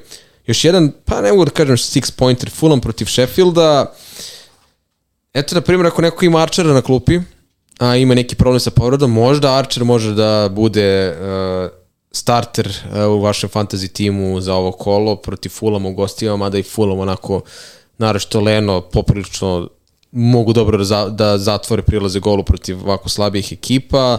Neko je spomenuo Andreasa Pereiru, možda će neko, možda neko je pitao za Raula Jimenez ili nekog napadača Fulama za ovo kolo kao ono, one week punt, kako bi rekli. Ne znam da će Raul da bude na, da li će bude starter, jer nije donosio golove posljednje vreme, može Vinicius bude starter, eventualno Perira, može da je Cordova Rida, ali to su opet baš onako hrabri diferencijali koji su preveliki koncepcijski rizik da bi se dovodili iz jednog kolo. Manchester United Brentford, uf, šta sam napisao, poraz kod kući i deseto mesto na tabeli, pa potom poraz od Galata Saraj kod kući i četvrto mesto u grupi. Ovo je neki 2-2. Da, tu je ti, ti, i ti, ti u tih 2-2 možeš da imaš poene i Bruna Rashforda i Visima Buma kojeg su uglavnom ljudi prodavali. Šta raditi sa njima, to jeste onako neprijatno pitanje, jer verujem da će mnogi da se izerviraju ako sad e, prodaju nekog od njih četvorica, oni donesu poene na ovoj utakmici. Odbrana je svakako nešto što očigledno oba tima e, ne mogu prosto da se pohvale sa njihovim partijama, pa bih izbegao priču odbrani, ali Što se tiče njih četvorice, to je sada dilema da li ih držati kao diferencijale uz nadu da će prorade ili prosto da se prodaju i da se, da se okrenete onim opcijama za neki dugoročni period ako ste na wild card. Ako niste, to je onda već drugačija prilika, to je drugačija slika. Crystal Palace Nottingham, Crystal Palace bez uh, Ezea, mora da vidimo da li će Eduard biti spreman, dakle dalje, dalje nema Lisa ko će da igra u napadu, to može da otvori priliku nekoga ko juri diferencijalne odbrmene igrače da ima Tarnera ili Orijea, uz nadu da Palas neće moći da da gol ili da Andersen neće dati neki sa, gol sa ćoška. Neku lečinu. Neku lečinu. Uh, Nottingham, spominjali smo i Avoni i White je počeo sa klupe prošle puta, mi smo ga tamo onako izbacili iz tima, makle Avoni, Gibbs White, može Hudson Odoi, to su onako zanimljivi igrači za fantasy, nisu donali pojene protiv Brentforda, ali svakako za, kao, neke, kao neki igrači koji vam prave razliku za po nekoj nižoj ceni može da se razmisli o njima. Nedelja Brighton Liverpool, Salah, neko od druga dva napadača kao vrlo dobre opcije da budu uh, igrača koji će da vam naprave razliku pre svega zbog trenutne situacije sa kartonima i povredama i kako Brighton igra. Da li držati mi tomu ili ne, to je isto dobro pitanje. Ostatak napadača i igrača iz Brightona koji nisu odbranbeni, pa sad uh, šta raditi sa Fergusonom i Pedrom ako ih neko ima jer se oni zaista prečesto rotiraju. Ma Fati. Da. Fati.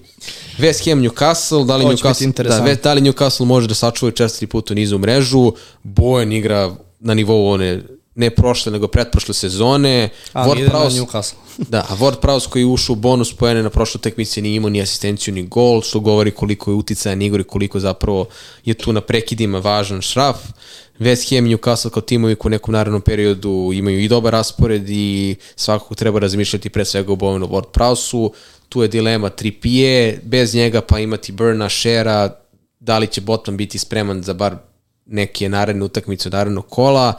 Isak, njega nismo spomenuli ni jednom, pored toliko napadača. Wilsona muči zadnje lože, delo da će Isak imati mm. minute, uh, on je na penalima, sad kako ugurati njega u celu priču Haaland, Alvarez, Watkins, to je zaista teško. Gordon je dobio žuti, mi ga imamo u timu, tako da neće igrati na ovom meču, ali od sledećeg će biti tu i neko koga smo možda nepravedno zapostavili, sad je bio strelac juče Miguel Almiron. Uh, čini mi se da može ponovo da uđe u seriju kao prošle godine, naročito sada možda kad nema Banasa, nema ni Gordona.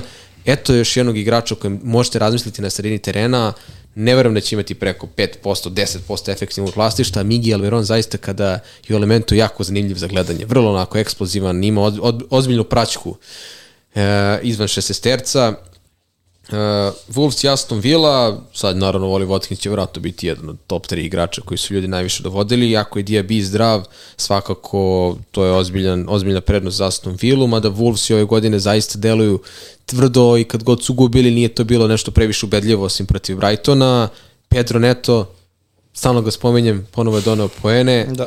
od Aston Villa, dakle Cash, Diaby, Watkins kao trojni, da kažemo taj tri glavna, da, tri glavna igrača koja će vratno najviše pojena donosi koji će biti u najviše timova, plus imaju dobar raspored.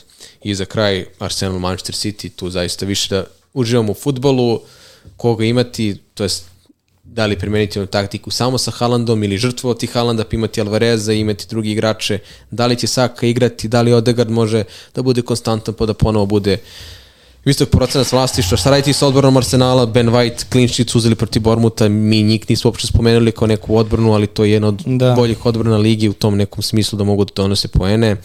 Malo sam zbrzo, ali eto, mi smo manje više telo najvukolo prošli kroz pitanja. To je, da, ali evo, ostalo je da, da, da promenimo našu ekipu. Da.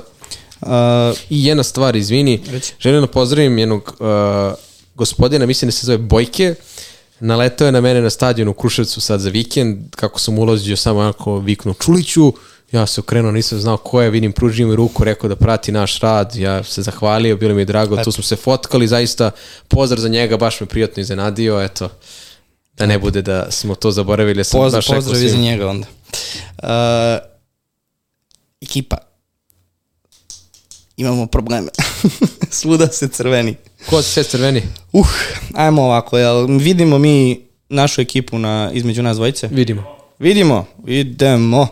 Dobro. Um, uf, dobro, golman je Leno i Areola, to nam je nekako ok. Uh, odbrana, imamo problem sa Stupinjanom, imamo problem sa, sa Botmanom. Dobro. Sledeći odbranbeni. Uh, Barnu, Dogi, Kabore. Ok, Barnu, Dogi, svakako. Dakle, to je pitanje ko će bude treći defan, deći defanziva za ovaj meč. Da, Dalje? Onda imamo Salah, Dobro. imamo Diaby, Dobro. imamo Madisona. I Gordon. Imamo Gordona koji mora da ide na klupu. Dobro. I imamo Bruna. Dobro. I onda u napadu Jesus, Haaland, Archer. Boga mi, da ne bi previše silili, mislim da ćemo u ovaj meč morati da odigramo sa 3-4-3. Da nam i Archer i Haaland i Jesus budu starteri, to jeste onako... Malo smo se zezuli, na primjer, mi smo odradili wild card i nas je pogodio taj problem koji je realno mogao da se desi da se povređuju brojni igrači, da Gordon dobije taj žuti, mada Gordon samo za jedan meč neće napraviti dugoročno taj problem. Ne možemo da vadimo Bruna jer džabe trošimo transferna igrača koji zdrav, koji će vjerojatno igrati.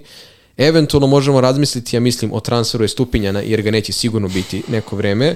Uh, ne bih vadio ni Gordona svakako i onda se, ako zamenimo je Stupinjana, možemo bez problema da igramo 3-4-3 da nam igraju, dakle, Madison, Bruno To je, da. i naravno da se nadamo da će DB da bude dobro. Znaš kako, uh, meni je ovo, mnogo me srbio ovaj Bruno na sredini, ali razmišljam, ok, Nek bude diferencijalo ovo kolo.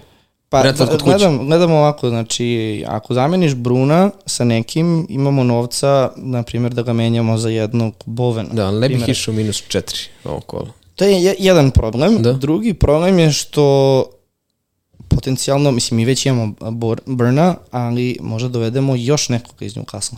Primera radi, a Boven nam igra protiv Newcastle. Malo smo za ovo kolo, Da. što se te... Pa, pazi, e, Možemo probamo da izvedimo e, ovog uh, pa, znaš šta gledam, prodaja, prodaja... stupinja ne uzmemo keš. M- može, može. To je najelegantniji, Da. najkraći, I onda, najkraća i, opcija. onda, I onda počnemo utakmicu cash burn u dogi, što je okej.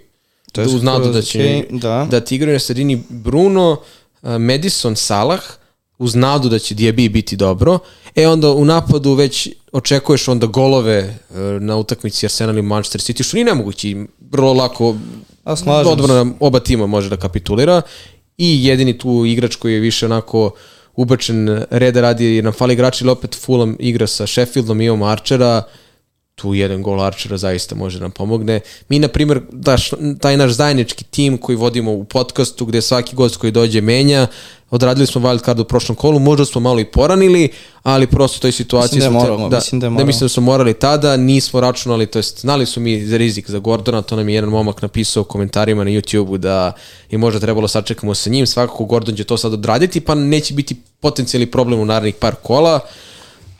Ako, di, ako je Diaby dobro, mislim da je ovo izvodljivo sa 3-4-3, da se zameni e, Stupinjan u Keša i posle da vidimo za naredna kola, ako svi budu zdravi, onda je neko ko je predmet potencijalne, potencijalne izmene, to je transfera uh, Bruno i eventualno može da se neki Jesus zameni u Alvareza, Watkinsa, ali ja mislim da za ovo kolo da probamo sa 3-4-3 da preživimo, pa lako Ja, ćemo ja, dalje. ako mene pitaš, ovo je, ovo je poslednja prilika koju pružamo Bruno. I to i zam... On sad ako donese poene, kako da ga prodaš sa kim okay. igraju? Ajde on da donese. Da. Da donese poene. Donese poene i gostuje Sheffield. A, dobro, znači da onda, Je stupinjen u keš. I Mm, čekaj, kapitenska traka. znači definitivno nije ono što sam E, pričao o- da se stavio stupinja na ono klupu, što, nego mora se ono što sam ja hteo tebi da predložim, što ja na primjer ne, neću raditi vjerojatno u mom ličnom timu, da možda kapiten bude Salah ili Madison. Ili... Ajde, evo samo da zamenim. Da. Znači, nama je budžet 5,2 miliona. E, možda mi je ovako najlakše. Da ih odmah... E. E, dobro, reci mi, hoćeš da... Čekaj, ako spustim po ceni, lakše mi je tako. E, hoćeš da ti uopšte pročitam neke druge opcije ili ćemo definitivno Pa- cash? Mislim, i meni sviđa cash, ali kao... Pa ajde pročitaj, mislim. Pa mislim, vidi, uvek možemo da idemo na opciju da stavljamo, ok, neki defanzivac iz City-a, to malo nije pametno za ovo kolo, možemo, možemo da idemo Šara, Ne bih duplirao sad o Newcastle odbranu pred ovo kolo, jer mi imamo, jer im je gostovanje West Hamu ipak. Pedro Poro, kao dupliranje Tottenhema protiv Lutona, to može bude dobro. Eto, to je hrabrija opcija sa kojoj možemo da idemo, ali ne daj Bože da Luton slučajno da gol i ovi ništa Pa, da urade, ali na primjer sa dva clean sheeta ove dvojici i obojice da donesu neku asistenciju gol, to je ono, može bude 20 pojena od Udogija i Pora. To je inter, Ja, ću, ja, ja razmišljam tipa Pora da dovedem u moj tim, jer isto imam problem sa Stupinjanom, da ne idem u Dogija, jer većina njih ima Dogija, a deluje mi da je Poro bio malo konkretniji u posljednje vreme. To ću možda i da uradim. Pa mislim, u krajem slučaju, mislim, samo pričamo o Kešu i, i Pedro Poru. Ne znam, Ali s obzirom da imamo Udogija, Da, mislim možda da je... ok da uradimo keša i keš isto dugoročno rešenje zbog rasporeda Aston Ville plus keš zaista vrlo moguće da, raspored, da. ako ne igra na poziciji krila često deluje kao da je krilni igrač koliko ofanzivno može da utiče na partiju svog tima. Znači, u suštini, menjamo, menjamo Estupinjana, Epstupinjana za Keš. Da idemo u formaciji 3-4-3 i poslednje To pitanje. su, pa znaš šta je samo u suštini, da li stavljamo na go Lena ili Areolu? Pa Tako pazi, da- možda stavimo Lena i onda imamo Lena i Archera, pa jedan koji donese poene, zadovoljni smo ako Sheffield ne da Pa gol. mogu obojica, mislim, Leno i da primi gol, će šest puta Da, otprilike. mislim, doneće poene. Tako da, a, dobro, dakle išli bi vrlo verovatno Leno, Cash, Burn u Dogi, Salah, Bruno, Madison, Diaby i Jesus, Archer, Haaland u napadu. tako je, tako je. I kapiten, ne ostavimo pri Haalandu ili možda probamo nešto sad, zanimljivije? ćemo, sad ćemo to da, da znači da odredim transfer. E, ovaj, dakle, šta smo rekli? Idemo Cash, Barn u Dogi. Na golu nam je Leno, je tako? Hoćemo da izmenimo. Evo ovako, sredina moramo da izbacimo Gorton, Gordona i tu ubacujemo Archera, je tako? Tako. Pa nema, mislim, to je, da to je to, imamo izaberiš. Kaborea na klupi koji može da uleti ako neko, znači umjesto ako Diaby ne bude igrao, mada verujem da će igrati makar neke minute. Dobro, ili će Ovaj, igrati ili neće igrati. Možda ne, bilo bi naj, najgore po nas da uđe i ne uradi ništa, ali eto. Može i to da se desi zapravo. vidi. Kad bolje razmislim. S obzirom da Luton igra protiv Tottenhama, mislim da ništa taj Kabore nama neće doneti specijalno mišljenje, ali dobro. To bi idealno bilo bude 0-0. E sad, uh, Šalim se, imamo Madison. imamo Madisona, ne. Uh, kapiten, ti si rekao da skidamo sa Pazi, Haalanda, znaš kako, ja, ja na tom, na mom, u mom timu neću to uraditi verovatno, ali kao ajde naš zajednički tim da možda budemo hrabriji i da damo neki primjer drugima pa da nas linčuju kad ne bude vidi, dobro. ja bi stavio kapitensku traku ovde Madisonu, ne bi razmišljao. Dobro, stavi Madison. Ajde, postavi, stavi Madison ili Salah, ali nek bude Madison, mislim da je ovo fiks Pa za vidi, Madison. Protiv Luton ili Salah protiv Brightona, stvarno. Možemo stavimo Salaha na, na, na, na Triple captain na Madison. Vidi, zapravo. Kako Ali, će ono bude kao treba da dajemo ovde neke savete, ono, stavi triple captain Archera, pa I pogodimo. Dobro, Vice Captain, mada pretpostavljam da će Madison svakako igrati, ali ajde da se osiguramo. vice captain na Haalanda ili Salaha.